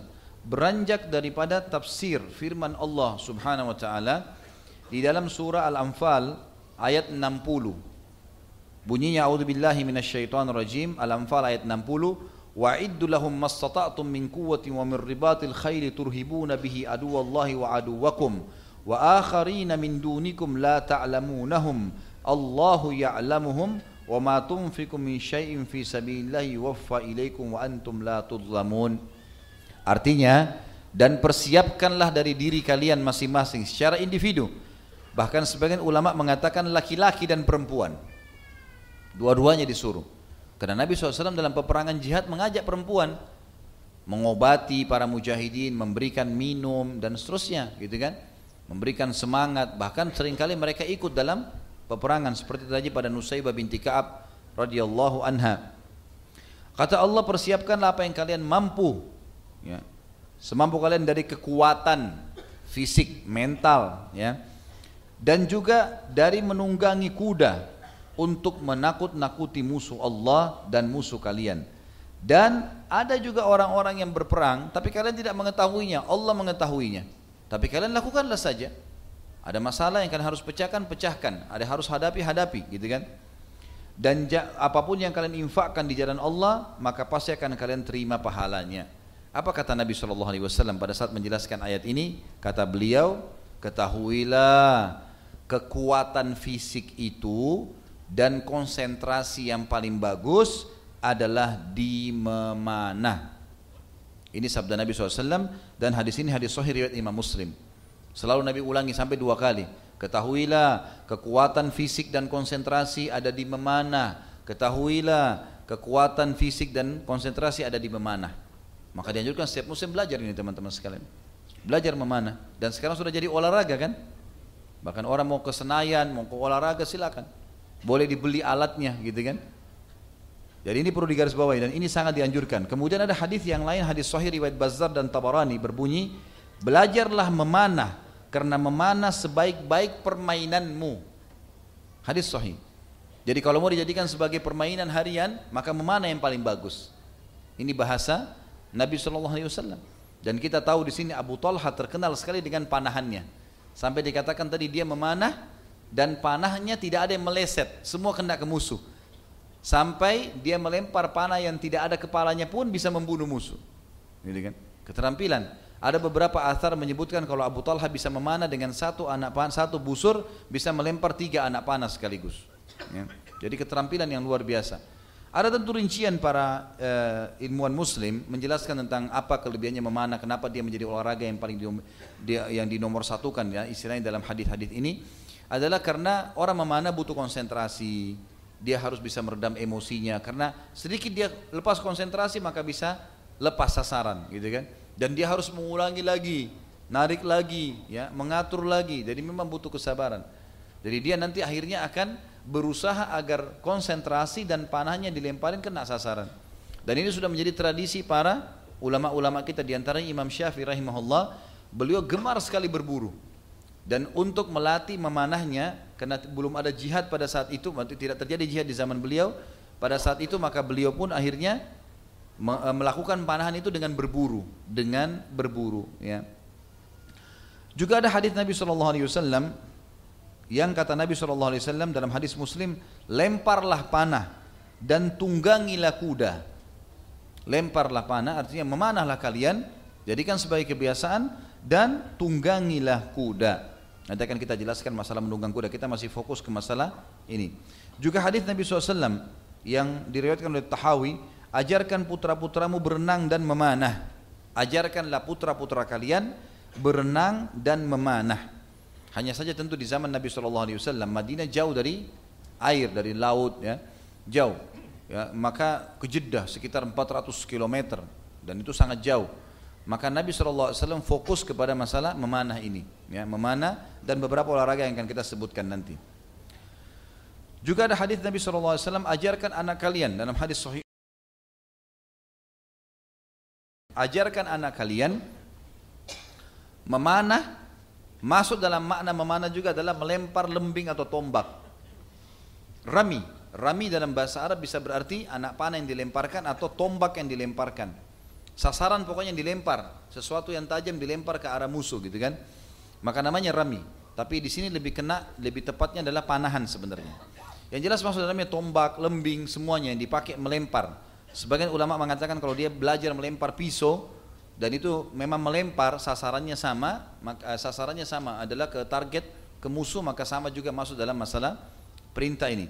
Ajarkan anak kalian melempar, gitu kan? Di sini memanah, melempar lembing, melempar pisau, pokoknya seperti itulah ya. Kemudian menung, e, berenang dan menunggangi kuda. serta suruh mereka meloncati kuda sementara kuda itu berlari. Ini hadisnya. Jadi kudanya dipukul lari, kemudian disuruh anak kita lari, suruh naik, loncat ke atas sementara kuda itu berlari. Nah.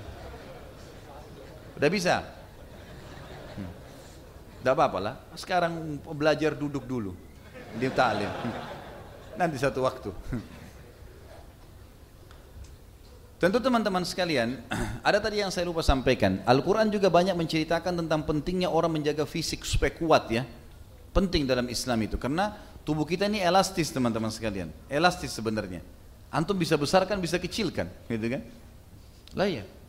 Ada walaupun orang dasarnya misalnya badannya kurus misalnya, dia bisa gemukin, dia bisa besarin, dia bisa olahraga, bisa dilakukan. Dan kalau orang melakukan itu karena perintah Allah, pahala loh itu. Pahala itu untuk olahraga ya menjaga kesehatan itu penting kalau kita niatnya merawat tubuh pahala itu apalagi kalau niatnya ditambah kalau satu waktu dibutuhin jihad saya pakai keterampilan saya. Nah itu luar biasa. Itu yang kita ingin jadikan target. Ya. ini saya bukan ajar pulang dari sini berantem. Ya. bukan itu maksudnya tapi kemahiran keterampilan olahraga gitu kan. Jangan lagi dipelintirin. Pernah terjadi dalam surah Al-Qasas diceritakan ayat 26 Nabi Musa AS kan semua nabi-nabi diberikan kekuatan 10 orang laki-laki. 10 orang laki-laki, semua semua nabi untuk membela agama Allah, termasuk Nabi Muhammad alaihi wassalam punya kekuatan. Nabi Musa AS saking kuatnya waktu dia temukan ada dua orang suku Kipti, sukunya Fir'aun dan suku Bani dari Bani Israel sukunya dia lagi ribut di jalanan lalu Nabi Musa AS pisahkan ternyata orang Kipti ini tetap aja mau mukul karena dia merasa waktu itu Bani Israel budak maka Musa AS menampar sekali saja mati orang Kipti itu. Sekali pukulan mati. Musa AS waktu itu dilaporkan oh, kepada Fir'aun kalau Musa membunuh suku Kipti gini ini. Fir'aun ini sudah lama tidak suka sama Musa, tapi karena istrinya suka jadi akhirnya dijaga, diambil. Fir'aun tidak punya anak, gitu kan mandul, gak punya anak. Istrinya suruh ambil jadi anak angkat. Dia sudah lama mau cari kesalahannya Musa karena ini Bani Israel. Dia perintahkan Bani Israel untuk dibunuh gitu. Pas dapat kasus ini, Fir'aun bilang bunuh Musa. Dikejar Musa AS. Musa lari ke Madian. Madian tempatnya Nabi Shu'aib, mertuanya. Waktu itu kebetulan di Madian ada sumur, itu selalu kalau pagi ditutup, eh, di, eh, kalau malam ditutup, kalau sore ditutup dengan batu. Batu besar ini cuma 10 orang baru bisa terangkat, beratnya. Tutupin sumur itu.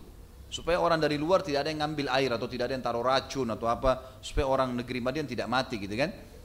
Maka seperti itulah. Nah, e, kalau pagi 10 orang itu angkat, ada bertugas, sampai menjelang sore ditutup lagi kembali. Kebetulan ada dua anak gadisnya Shu'aib alaihissalam datang ke situ mau ngambil air, mau ngambil air tapi enggak enggak sudah ditutup, sudah sore.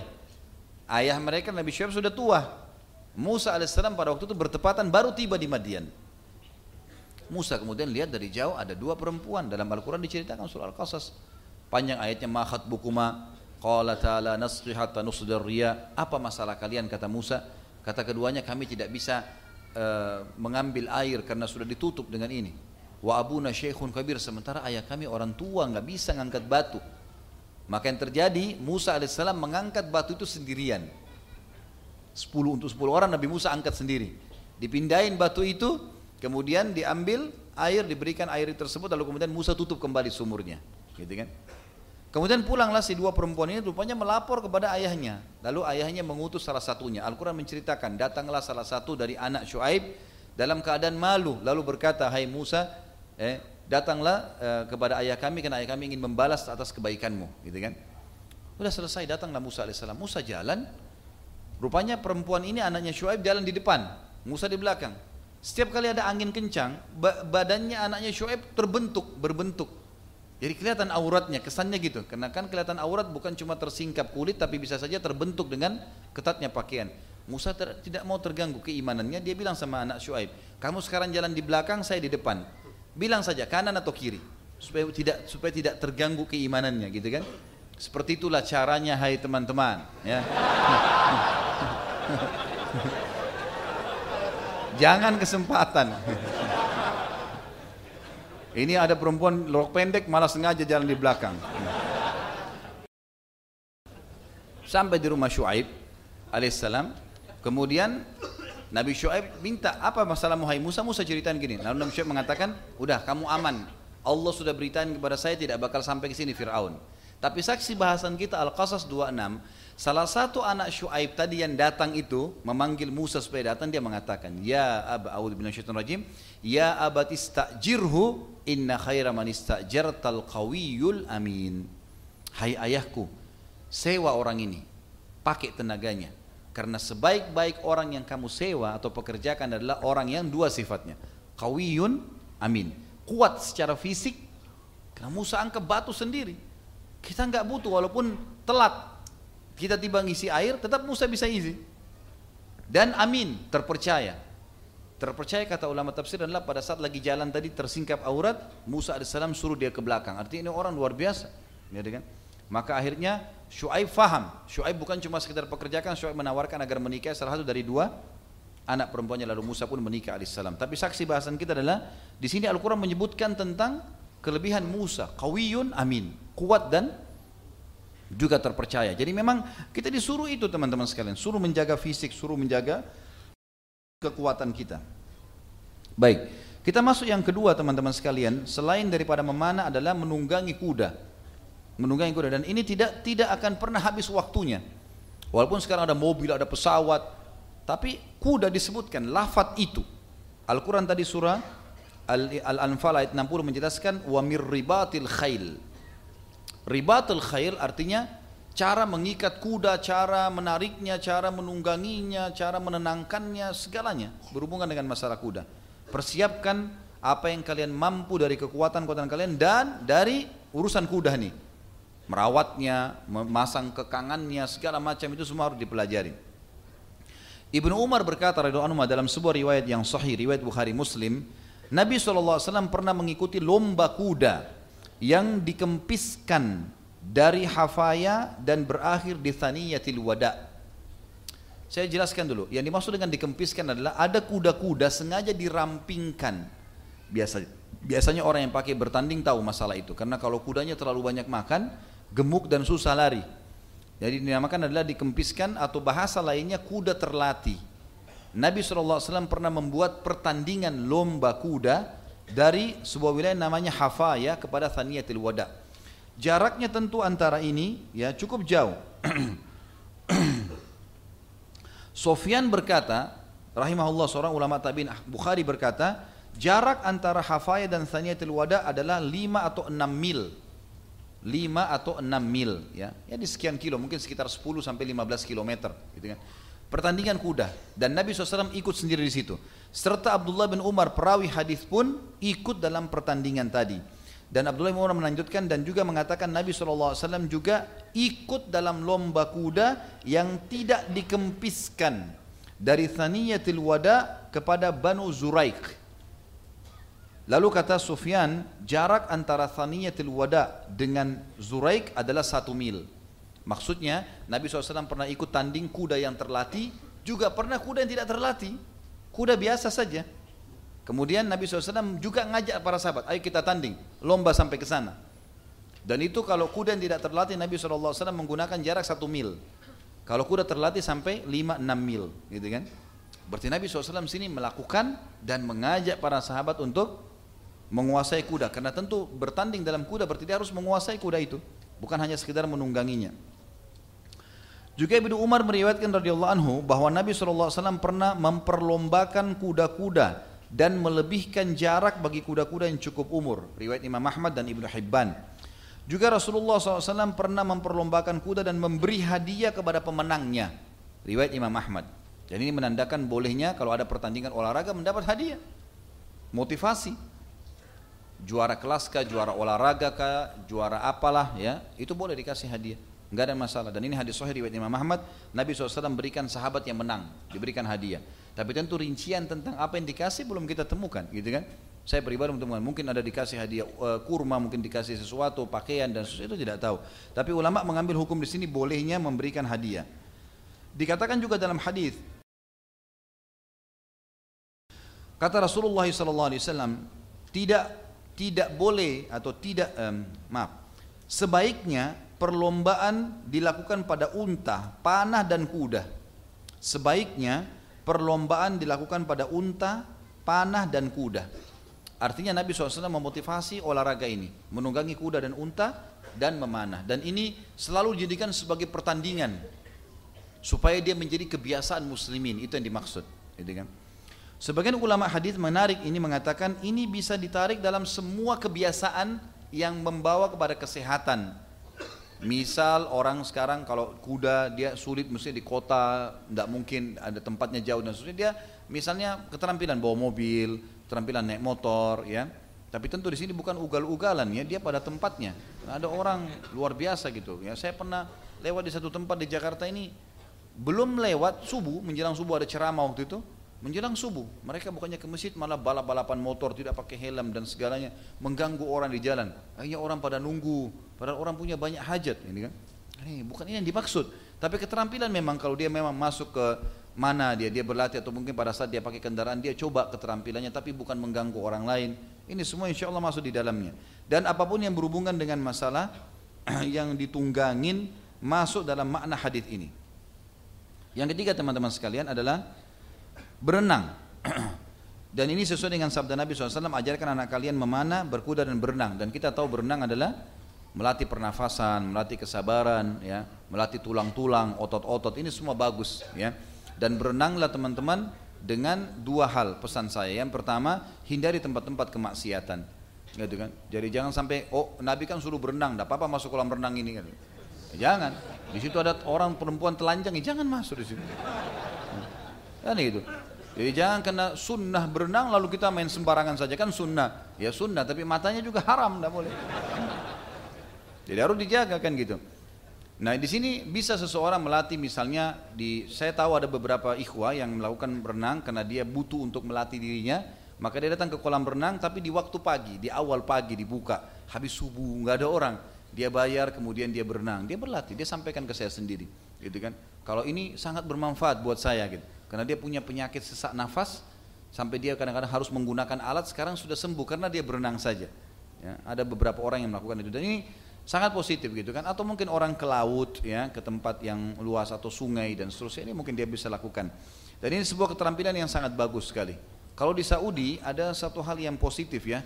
Tapi saya tidak tahu di Indonesia um, uh, mungkin kita bisa samakan dengan orang sewa villa ya villa-villa mungkin di tempat-tempat rekreasi mungkin di puncak di mana kemudian dia sewa mungkin ikhwah sama ikhwah kemudian mereka menggunakan kolam renang yang ada uh, mungkin seperti itulah karena di Saudi biasa begitu Dulu kami kalau masih waktu masih mahasiswa, di waktu-waktu tertentu kami liburan dengan teman-teman mahasiswa, tentu semuanya laki-laki pada saat itu. Kemudian kami sewa villa, ada kolam renang, lalu kemudian kita buat pertandingan, gitu kan? olahraga atau ikhwa-ikhwa yang memang sampai ada teman-teman masya Allah dulu memang pelatih berenang, lalu kemudian dia melatih ikhwa-ikhwa untuk itu. Ini juga sangat positif dan insya Allah diniatkan karena Allah Subhanahu Wa Taala. Yang keempat teman-teman lomba lari dan lari ini sangat penting untuk dilakukan dan Nabi SAW mempraktekannya sebagaimana dalam hadis yang sahih. Disebutkan bahwasanya Aisyah mengatakan dalam hadis riwayat Ahmad dan Abu Daud. Kata Aisyah saya pernah diajak oleh Nabi SAW berlomba lari dan saya mengalahkan beliau. Tapi pada saat tubuhku sudah gemuk, maka Nabi SAW mengalahkanku. Gitu kan? Lalu Nabi SAW bersabda, wahai Aisyah, kemenangan ini adalah bayaran daripada kekalahan saya yang lalu. Sebagian orang cuma mengangkat mengatakan ini romantisnya Nabi sama Aisyah. Tapi ini sempit kalau cuma sekedar itu. Tapi Nabi SAW memang sekalian melatih istrinya olahraga memang. Gitu kan? Dan sebagian ulama hadis mengatakan Nabi SAW membiarkan Aisyah menang pertama untuk membesarkan jiwanya. Karena Nabi pasti menang semestinya gitu kan. Jadi bolehlah antum kalau aja istri lari kasih jiwanya besar. Oh yang menang, masya Allah. Jadi yang jelas lomba lari gitu kan. Dan juga disebutkan dalam banyak riwayat yang sahih di antara yang dinukil oleh Ibnu Qayyim rahimahullah dalam buku yang sangat mulia tentang keterampilan ketangkasan berperang gitu kan tapi masih dalam bahasa Arab. Saya nggak tahu bahasa Indonesia ini ada atau tidak. Tapi buku ini sangat lengkap sampai manfaat-manfaatnya sampai jenis-jenis anak panahnya segala macam dirincikan luar biasa.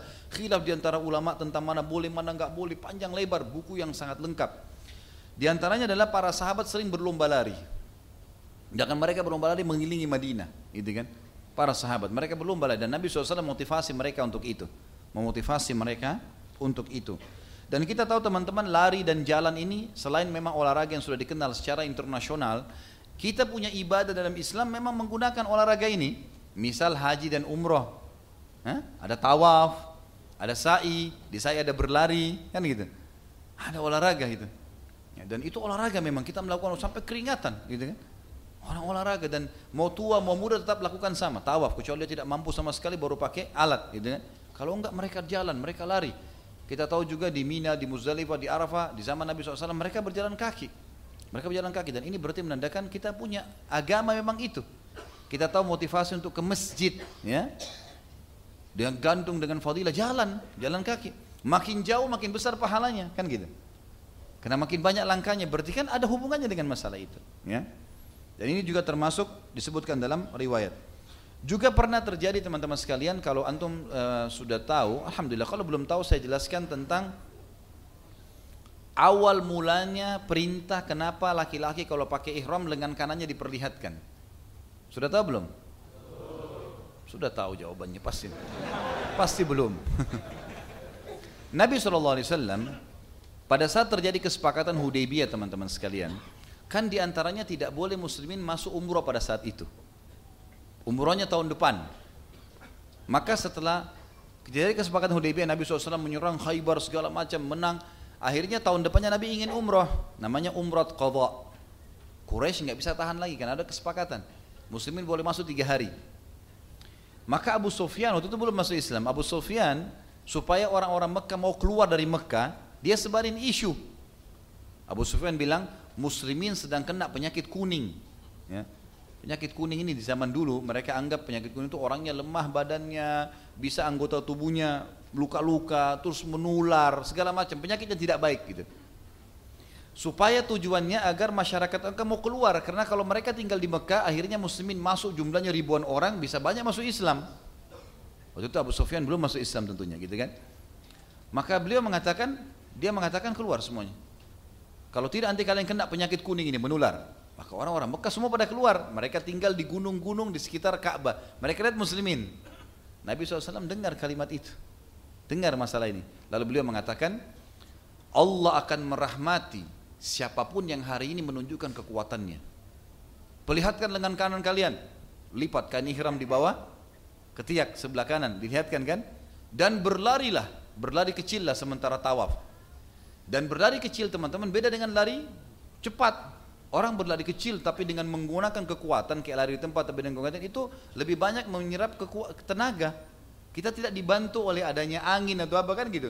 Kalau orang lari mungkin masih ada angin, masih ada pijakan yang bisa kita lakukan itu lebih ringan dibandingkan orang lari di tempat lebih meletihkan gitu kan Nabi SAW suruh berlari kecil sementara tawaf lihatkan lengan sambil membaca talbiyah pada saat dilakukan itu orang-orang Quraisy bilang tidak mungkin orang sakit kuning begini Nih, luar biasa kekuatannya dengan suara dengan suara kaki mereka lari di tempat jalan maka ada perintah itu dan jadilah sunnah sampai sekarang Sampai sekarang disunahkan bagi laki-laki berlari kecil di putaran tawaf. Tentu kalau tidak lagi padat ya. Itu apalagi pada saat itu memperlihatkan kekuatan kepada orang-orang musyrik dan ini termasuk terjadi. Yang kelima teman-teman sekalian, setelah tadi tentunya memanah, menunggangi kuda, berenang, berlari. Kemudian yang kelima adalah memainkan pedang. dan Nabi SAW termasuk orang yang sangat mahir memainkan pedangnya. Ya. Begitu pula dengan para sahabat. Dan kita tahu kisah bagaimana para sahabat memainkan pedang-pedang mereka di antaranya Zubair yang bisa membelah dua orang musyrik kafir Mekah. Dibelah dua dengan kekuatannya gitu kan pada saat terjadi perang Khandaq. Itu bagaimana kekuatannya gitu. Dan luar biasa bagaimana Ali bin Abi Thalib juga bisa membunuh salah satu orang kafir Quraisy yang ditebaskan dari kemaluannya terbelah sampai mendekati dadahnya kan? dan seterusnya gitu kan dan punya punya kekuatan dan Nabi SAW memerintahkan itu membolehkan para sahabat untuk melatih keterampilan selain fisik dan juga memainkan pedang ini. Dan juga kita tahu Nabi SAW membiarkan orang-orang Habasyah, orang-orang Ethiopia, terkenal mereka ahli membuat pedang dan suka memainkan pedang itu punya keterampilan. Itu menunjukkan di depan para sahabat di masjid dan Nabi SAW membiarkannya. Sempat waktu itu Umar lihat ada orang-orang dari Habasyah bukan muslimin datang mau menawarkan mau menunjukkan keterampilannya. Nabi ajak ke masjid. Umar begitu masuk lihat orang-orang ini mainkan pedang di masjid dilempari batu. Hmm. Sama Umar dilempari batu gitu kan, suruh bubar. Kata Nabi SAW biarkan hai Umar, karena saya memerintahkannya. Maka Umar pun duduk akhirnya melihat bagaimana keterampilan mereka dan juga hadis Bukhari yang menjelaskan bagaimana Aisyah pun berkata ya Rasulullah saya juga ingin lihat. Lalu Nabi SAW menetapkan Aisyah di punggung belakangnya lalu mengangkatnya sehingga Aisyah bisa melihat dari dalam rumahnya ke arah masjid. Dan ini berarti membolehkan. Nabi SAW membolehkan itu. Dan Nabi SAW membiarkan para sahabat menyiapkan pedang-pedang mereka. Ya. Kemudian yang keenam teman-teman sekalian adalah gulat. Bergulat. Dan ini sudah masyhur kisah Nabi SAW memotivasi para sahabat setiap kali mereka kumpul selain memanah, selain menunggangi kuda melempar tombak dan beliau sering kali membiarkan para sahabat untuk bergulat. Dan pernah dalam satu kasus Ali bin Abi Thalib bergulat dan beliau sama Umar bin Khattab radhiyallahu anhu yang terkenal dengan punya kekuatan fisik yang sulit untuk dikalahkan dan kita tahu gulat memeras tenaga banyak sekali sehingga akhirnya membuat uh, sulit uh, apa namanya uh, untuk gulat untuk melawan orang yang kedua atau orang yang ketiga karena butuh energi. Tidak boleh melukai tapi bisa menekuk ya sampai orang itu sudah tidak mampu. Alhamdulillah. Kita tahu sekarang teman-teman sekalian pada saat itu Ali bin Abi Thalib sempat mengalahkan tiga orang dari sahabat dan sangat kuat. Tiga orang dikalahkan gulat dan ditekuk sampai orang itu mengaku kalah. Kalau masih bisa masih bisa dilepaskan, lawan lagi begitu terus. Maka Ali bin Abi Thalib pada saat itu merasa sedikit, oh ini saya, siapa lagi nih, siapa lagi nih yang mau maju gitu. Nabi SAW bilang, hai Ali pergilah ke belakang bukit sana kau akan temukan orang yang akan mengalahkanmu. Ali kena penasaran pergi ke sana. Pergi ke belakang bukit jauh. Begitu dia datang ke sana ternyata ditemukan di sana ada orang pakai cadar, surban ditutup semua alisnya dan juga hidungnya sehingga cuma kelihatan bola matanya saja. Lalu membuat ring. Ya, dibuat garis di di, di apa di padang pasir lalu diajak Ali untuk masuk. Tidak bicara apa-apa. Lalu Ali sudah paham, masuk lalu mereka berduel, duel berdua. Dengan beberapa kali gerakan kalah Ali. Ditekuk nggak bisa bergerak padahal Ali orangnya tinggi postur postur postur tubuhnya tinggi besar gitu kan. Kemudian yang kedua kali Ali melawan lagi, tekuk lagi sampai 10 kali. Ali kalah. Begitu Ali kalah, Ali mengatakan saya mengaku kalah, tapi saya ingin tahu siapa anda. Dibuka cadarnya ternyata Nabi Shallallahu. Jadi Nabi SAW ingin menunjukkan kepada Ali dan ini pendidikan penting dalam masalah nabawiyah ya. Beliau tidak mempermalukan Ali di depan para sahabat. Ini Ali kau saya? Enggak untuk membuat Ali supaya tidak jadi jangan sampai sombong pergi ke sana. Di belakang gunung berdua. Dan Nabi SAW tidak tunjukkan kalau dia supaya Ali tidak malu. Silakan melawan gitu kan? Begitu kalah lalu dia tunjukkan kalau dia adalah Nabi SAW. Gitu kan. dan kita tahu juga riwayat sahih yang sudah sering saya jelaskan tentang masalah Rukana pegulat jazirah Arab yang sangat kuat terkenal tidak pernah kalah dan dia menjual jasa itu. Sering datang ke suku-suku nantang uh, gulat. Kalau dia menang dia bisa mengambil apa saja yang dia mau dari orang itu jadi orang banyak tidak mau tidak mau gulat sama dia karena orang tinggi besar kuat. Dia datang kepada Quraisy mengatakan, "Hai Quraisy, maukah kalian saya maukah saya permalukan Muhammad untuk kalian?" Kata mereka, "Tentu saja." Lakukan apa saja? Dia bilang, "Saya akan permalukan, tapi apa yang kalian kasih?" Kata orang-orang Quraisy, "Apa yang kau minta?" Dia bilang, "Saya akan tantang dia gulat." Lalu Rukana pun yang di atas lalu berkata, "Hai Muhammad, Nabi SAW lagi tawaf dengan beberapa sahabat." Dia pikir Nabi pasti tidak mungkin mengiyakan karena Rukana terkenal orangnya kuat, ya keras gitu. Maka dia bilang, hai Muhammad, kau mau saya beriman? Kata Nabi SAW, tentu saja. Dia bilang, kalahkan saya bergulat. Kalau kau kalahkan saya bergulat, saya akan beriman. Dia kaget tetapi mengatakan, baiklah. Ya. Ditantang depan umum dan ini sifat seorang mukmin nggak boleh lemah depan orang kafir. Ditantang iya kan saja, gitu kan? Maka dia bilang iya baik. Rukana tidak sangka turun gulat. Ternyata dengan beberapa gerakan Nabi SAW kalahkan dia. Dan ini menandakan keterampilan yang luar biasa dari baginda Nabi SAW, gitu kan? Dan dua kali, tiga kali sampai Rukana akhirnya berkali-kali kalah sudah rasa malu. Dia mengatakan baik Muhammad saya mengaku kalah. Tapi saya tidak mau beriman. Sampai pohon ini bicara, ditunjuk pohon kurma. Lalu anehnya di situ saya sebutkan ini dalam mujizat Nabi SAW. Pohon itu pun akhirnya mengatakan asyhadu an la ilaha illallah wa anna Muhammad Rasulullah. Pohon bisa syahadat pada saat itu. Dan ini mujizat Nabi SAW. Tapi kita masuk dalam masalah gulat.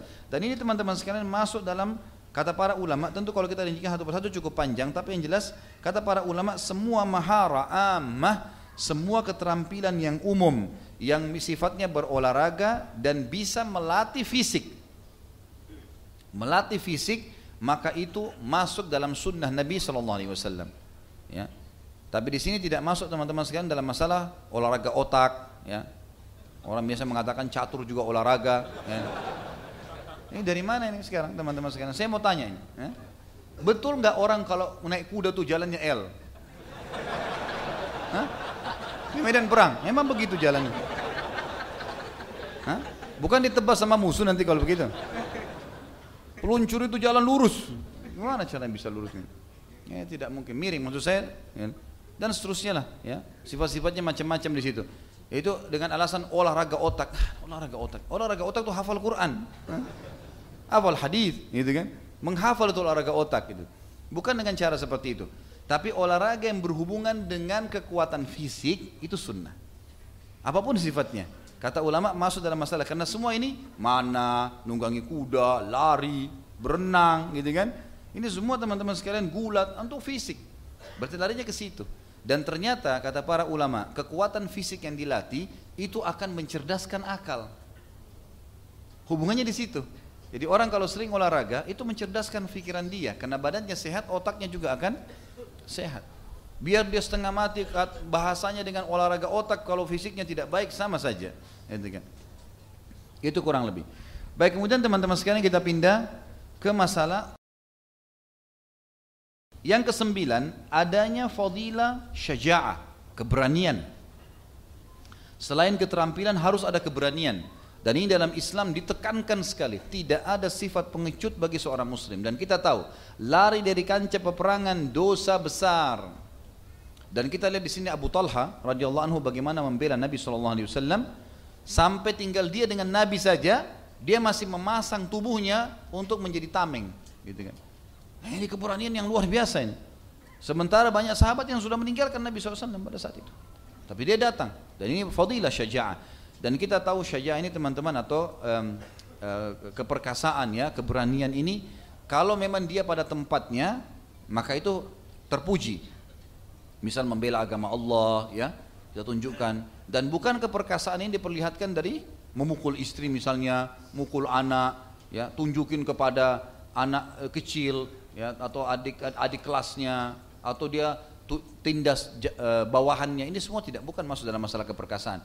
Memang keperkasaan kata ulama masuk dalam masalah kalau dia membela kebenaran dengan kekuasaan fisiknya. Itu keberanian namanya. Itu keperkasaan. Dan ini di, di sangat terpuji dalam agama Islam. Dan kita tahu di antara doa Nabi Shallallahu Alaihi Wasallam Allah min bika minal jubni wal bukhul. Ya Allah jauhkan aku dari sifat pengecut dan pelit. Jadi kita tidak boleh pengecut teman-teman sekalian. Jangan hak kita diambil orang lain lalu kita berikan. Tidak kalau itu hak kita kita bela gitu kan semampu kita dan kata Nabi SAW siapa yang meninggal karena membela kehormatannya mati syahid kan itu Berarti ada perintah itu dan ini fadilah tersendiri. Ini pelajaran yang kesembilan yang bisa kita ambil tentang masalah syaja'ah.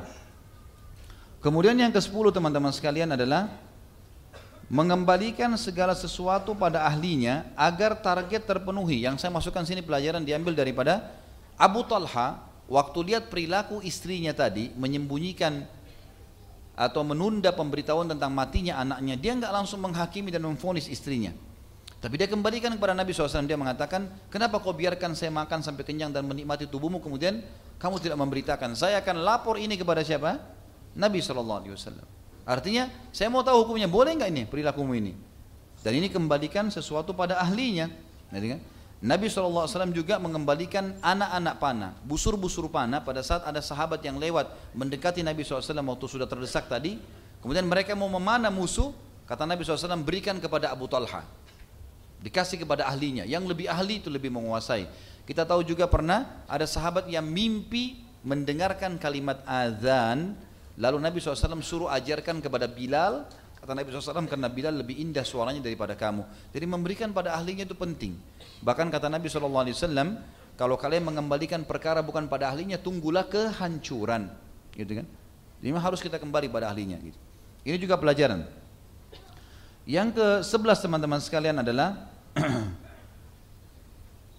pentingnya membawa setiap anak yang baru lahir kepada orang saleh agar orang saleh itu mentahniknya mengunyah kurma lalu kemudian membiarkan si bayi itu mengusap mengisapnya sebagaimana perilaku tadi Abu Talha dan Anas bin Malik yang membawa bayi yang baru lahir yang bernama Abdullah kepada Nabi SAW dan ini tradisi para sahabat gitu kan Bagaimana mereka membawa kepada Nabi SAW dan Nabi langsung mentahnik minta kurma ajwa Madinah, mengunyahnya lalu menempelkan di langit-langit bayi tersebut lalu kemudian diisap. Sebagian ulama menentukan mengatakan ini paling baik dikerjakan di masa tujuh hari pertama dari masa lahir.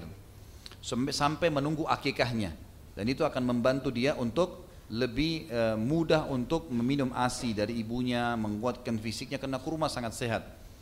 Ini di antaranya. Dan juga orang soleh itu memberikan dia nama, sebagaimana Nabi SAW memberikan nama. Jadi bukan cuma tahnik, minta nama yang baik. Maka Nabi SAW memberikan nama Abdullah. Dan juga minta agar orang itu mendoakan sebagaimana Nabi SAW mendoakan Abdullah dan akhirnya Abdullah diberkahi oleh Allah hidupnya diberikan kedikarunia sembilan orang anak laki-laki semuanya juga hafal Al-Quran. Selain Abdullah sendiri juga begitu. Yang kedua belas teman-teman bolehnya perempuan ikut jihad. Sebagaimana tadi penyampaian Anas bin Malik tentang kehadirannya Ummu Sulaim dengan Aisyah Allah anhu ajma'in di mana mereka membawa air perang lagi berkecamuk mereka bawa air memberikan kepada para mujahidin supaya minum Berarti boleh mereka hadir di situ, gitu kan? Boleh mereka hadir di kancah peperangan. Kemudian yang ke-13 teman-teman sekalian, fadilah bersedekah di jalan Allah dan usahakan dalam bersedekah itu memberikan yang termahal dan yang terbaik.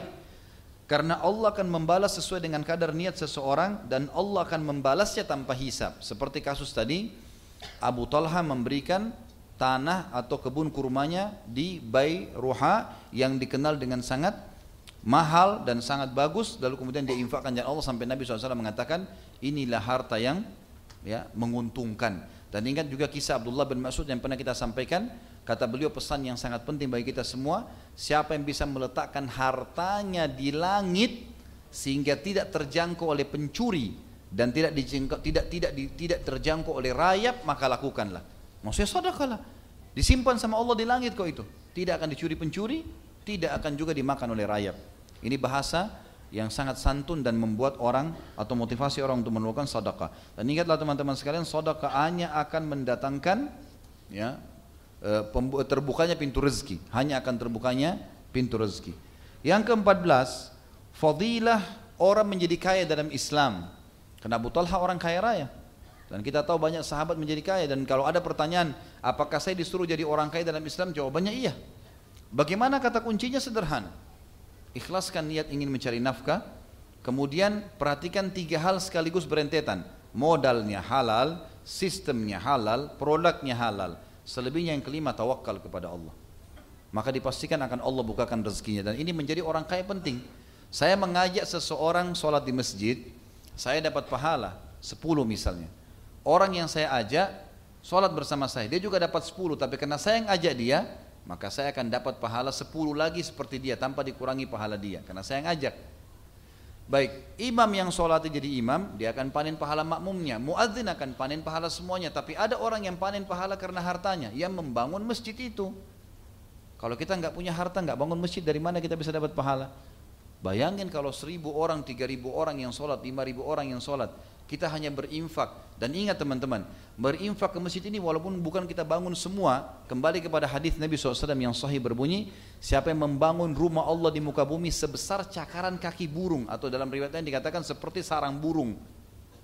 Kita sumbang seribu rupiah lima ribu rupiah semampu kita gitu kan? Maka akan dibangunkan baginya istana di surga. Artinya kita punya andil di pahala itu ini penting sekali untuk dilakukan. Maka perlu menjadi orang yang mampu teman-teman. Kita tahu jihad dalam Islam selalu dimulai ayatnya dengan bi amwalikum wa anfusikum. Selalu harta dan jiwa, harta dan jiwa. Jadi memang harta penting, gitu kan? Jadi kita boleh mencari nafkah, boleh mencari harta yang banyak teman-teman sekalian dan tidak ada batas dalam Islam. Yang penting halal, gitu kan? Sampai Abdurrahman ibn Auf ya pada saat mau meninggal pada saat beliau meninggal mau dibangun mau dibagi hartanya radhiyallahu anhu itu sampai emasnya bertumpuk di gudang. Sudah banyak diinfakkan tapi masih banyak tertumpuk. Mau dibagi ahli waris sampai di kampak yang ngampak itu tangannya memar karena banyaknya emas yang ditinggalkan. Islam dibolehkan itu. Tidak ada masalah. Bahkan Nabi SAW mengatakan engkau meninggalkan ahli warismu. Dalam keadaan mereka tidak minta-minta punya kekayaan yang ditinggalkan jauh lebih mulia daripada mereka mengemis pada orang lain. Terus begitu. Dan kita disuruh bekerja teman-teman sekalian. Jangan malas Kata Nabi SAW dalam hadis Bukhari, seseorang dan kalian mengambil potongan-potongan tali, lalu kemudian dia ke hutan, dia kumpul ranting-ranting kering, lalu diikat, dipikul di pundaknya, kemudian dia menjualnya di pasar jauh lebih mulia daripada dia minta-minta kepada orang lain. Kita disuruh berusaha, bekerja, terus ikhtiar, gitu kan? Dan ini dibolehkan. Dan riwayat yang sahih riwayat Bukhari yang mulia di mana Sahabat-sahabat miskin telah datang kepada Nabi SAW mengatakan, Ya Rasulullah, sahabat-sahabat kami yang kaya mendahului kami dari pahala. Kami sholat, mereka sholat. Kami puasa, mereka puasa. Kami haji, mereka haji. Tapi mereka punya kelebihan harta karena mereka berinfak kepada kami. Kami nggak bisa balas itu. Beritahukan kami amal yang kami kerjakan, kami bisa nyanyi, samain, minimal sama dengan pahala mereka. Kata Nabi SAW baca subhanallah, alhamdulillah, Allah Akbar masing-masing 33 kali. Dan ini boleh dibaca setelah sholat atau di luar sholat. Karena Nabi SAW pernah juga perintahkan Ali dan Fatimah radhiyallahu anhuma untuk baca pada saat mereka capek karena tidak ada pembantu di rumah, mereka letih mereka baca untuk menghilangkan capeknya. Maka sahabat-sahabat miskin amalkan itu. Rupanya dari mulut ke mulut sahabat kaya dengar. Gitu kan? Sahabat kaya juga amalin. Yang miskin pernah datang lagi ya Rasulullah. Ini hadis sahih riwayat Bukhari ya. Maka kata kata sahabat yang miskin ya Rasulullah, sahabat-sahabat kami yang kaya dengar hadis Anda. Ya. Maksudnya beritahukan lagi kami. Apalagi yang lain nih? Kata Nabi SAW, "Dzalika fadlullahi yu'tihi may yasha." Itu karunia Allah yang Allah berikan kepada siapa yang dia inginkan. Artinya ada motivasi karena menjadi kaya atau miskin ikhtiar itu. Ikhtiar orang. Yang penting kita berusaha dan punya ilmunya insya Allah akan mendapatkan. Dan saya sarankan teman-teman kembali kepada Judul ceramah saya di YouTube ada Saudaraku yang rahasia rezekimu akan membahas masalah itu. Baik selanjutnya adalah yang ke-14 eh, maaf, yang ke-15 adalah bolehnya mengambil berkah dari Nabi SAW semasa beliau hidup. Sebagaimana beliau telah memberikan rambutnya kepada Abi Talha. Tapi ini hanya Nabi semasa hidup. Hanya Nabi Muhammad sallallahu alaihi wasallam. Karena ini dalilnya seperti itu. Dan tidak pernah disebutkan ada sahabat yang mengambil dari Abu Bakar misalnya karena dianggap Abu Bakar ulama sahabat. Tidak pernah ada yang didengarkan sahabat mengambil dari Umar gitu kan? Tidak pernah sama sekali. Tapi pada Nabi SAW mereka lakukan yang selanjutnya adalah yang ke-16 Fadilah tentang orang yang juhud dalam ibadah untuk mengejar ridho Tuhannya. Seperti Abu Talha paksa diri tidak pernah tinggalkan sholat malam, tidak pernah tinggalkan puasa. Pokoknya tidak boleh diganggu gugat program itu. Apa pun konsekuensinya saya harus kerjakan. Dan dikatakan dia Anas bin Malik mengatakan Abu Talha tidak berbuka puasa, maksudnya tidak batalin puasa-puasa sunnahnya kecuali di Idul Adha Idul Fitri. Kalau selain daripada itu dia berpuasa, gitu kan. Dia lakukan semaksimal mungkin. Kemudian juga yang ke selanjutnya yang ke-17 adalah adanya karamah untuk orang-orang beriman. Karamah adalah kelebihan yang Allah berikan kepada orang beriman pada saat dia sudah sampai pada puncak ketaatannya kepada Allah. Seperti pernah saya bahas tentunya kalau teman-teman ikuti di YouTube ada bahasan Minhajil Muslim Karamatil Aulia eh, karamahnya para wali-wali Allah dan tipu dayanya syaitan dan syaitan dan tipu dayanya gitu kan. Jadi ada bedanya di situ. Seperti misalnya ada sahabat Ibnu Ummul Maktum buta matanya itu kalau beliau pulang dari masjid habis sholat isya gelap kan buta dia jalan tapi para sahabat yang yang lain melihat dari dahinya keluar cahaya menerangi jalan.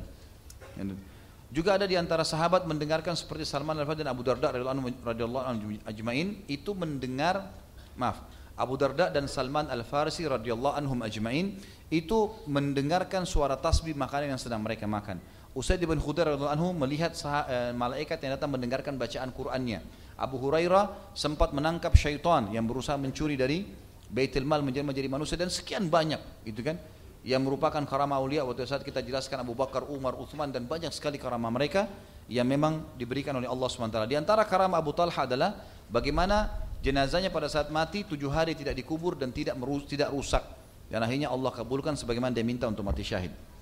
Kemudian selanjutnya teman-teman sekalian 18 adalah setiap muslim harusnya punya niat yang jujur, yang tulus kepada Allah agar hidupnya dipenuhi dengan berkah, dia boleh meminta agar diberikan pasangan yang baik, selalu berdoa dalam masalah itu, selalu berdoa kebaikan.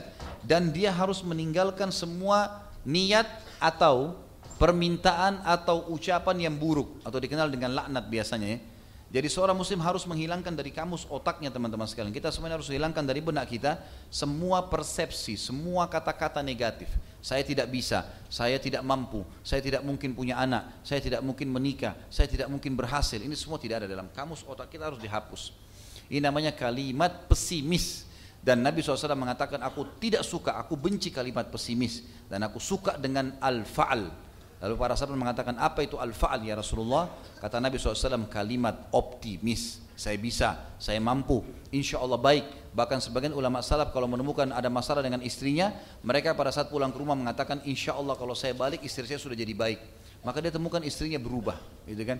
Atau dia sedang menghadapi masalah dengan seseorang tidak bayar utang, maka dia mengatakan, mereka mengatakan, ya Allah, mudah-mudahan setelah saya ketemu maka dia akan membayar utangnya dan seterusnya maka mereka selalu menggunakan kalimat-kalimat positif. Di antaranya, Ya Allah, tutuplah hidupku, eh, penuhilah hidupku dengan berkah, baik di keluargaku, di hartaku, di anak-anakku, dan tutuplah hidupku dengan mati syahid. Maka ini termasuk kalimat-kalimat positif yang bisa kita ambil dari kisah sahabat yang mulia Abu Talha radhiyallahu anhu. Kalau benar dari Allah, pada saudara saya mohon dimaafkan. Subhanakallahumma wa bihamdika asyhadu an la ilaha illa anta astaghfiruka wa atubu ilaik. Wassalamualaikum warahmatullahi wabarakatuh.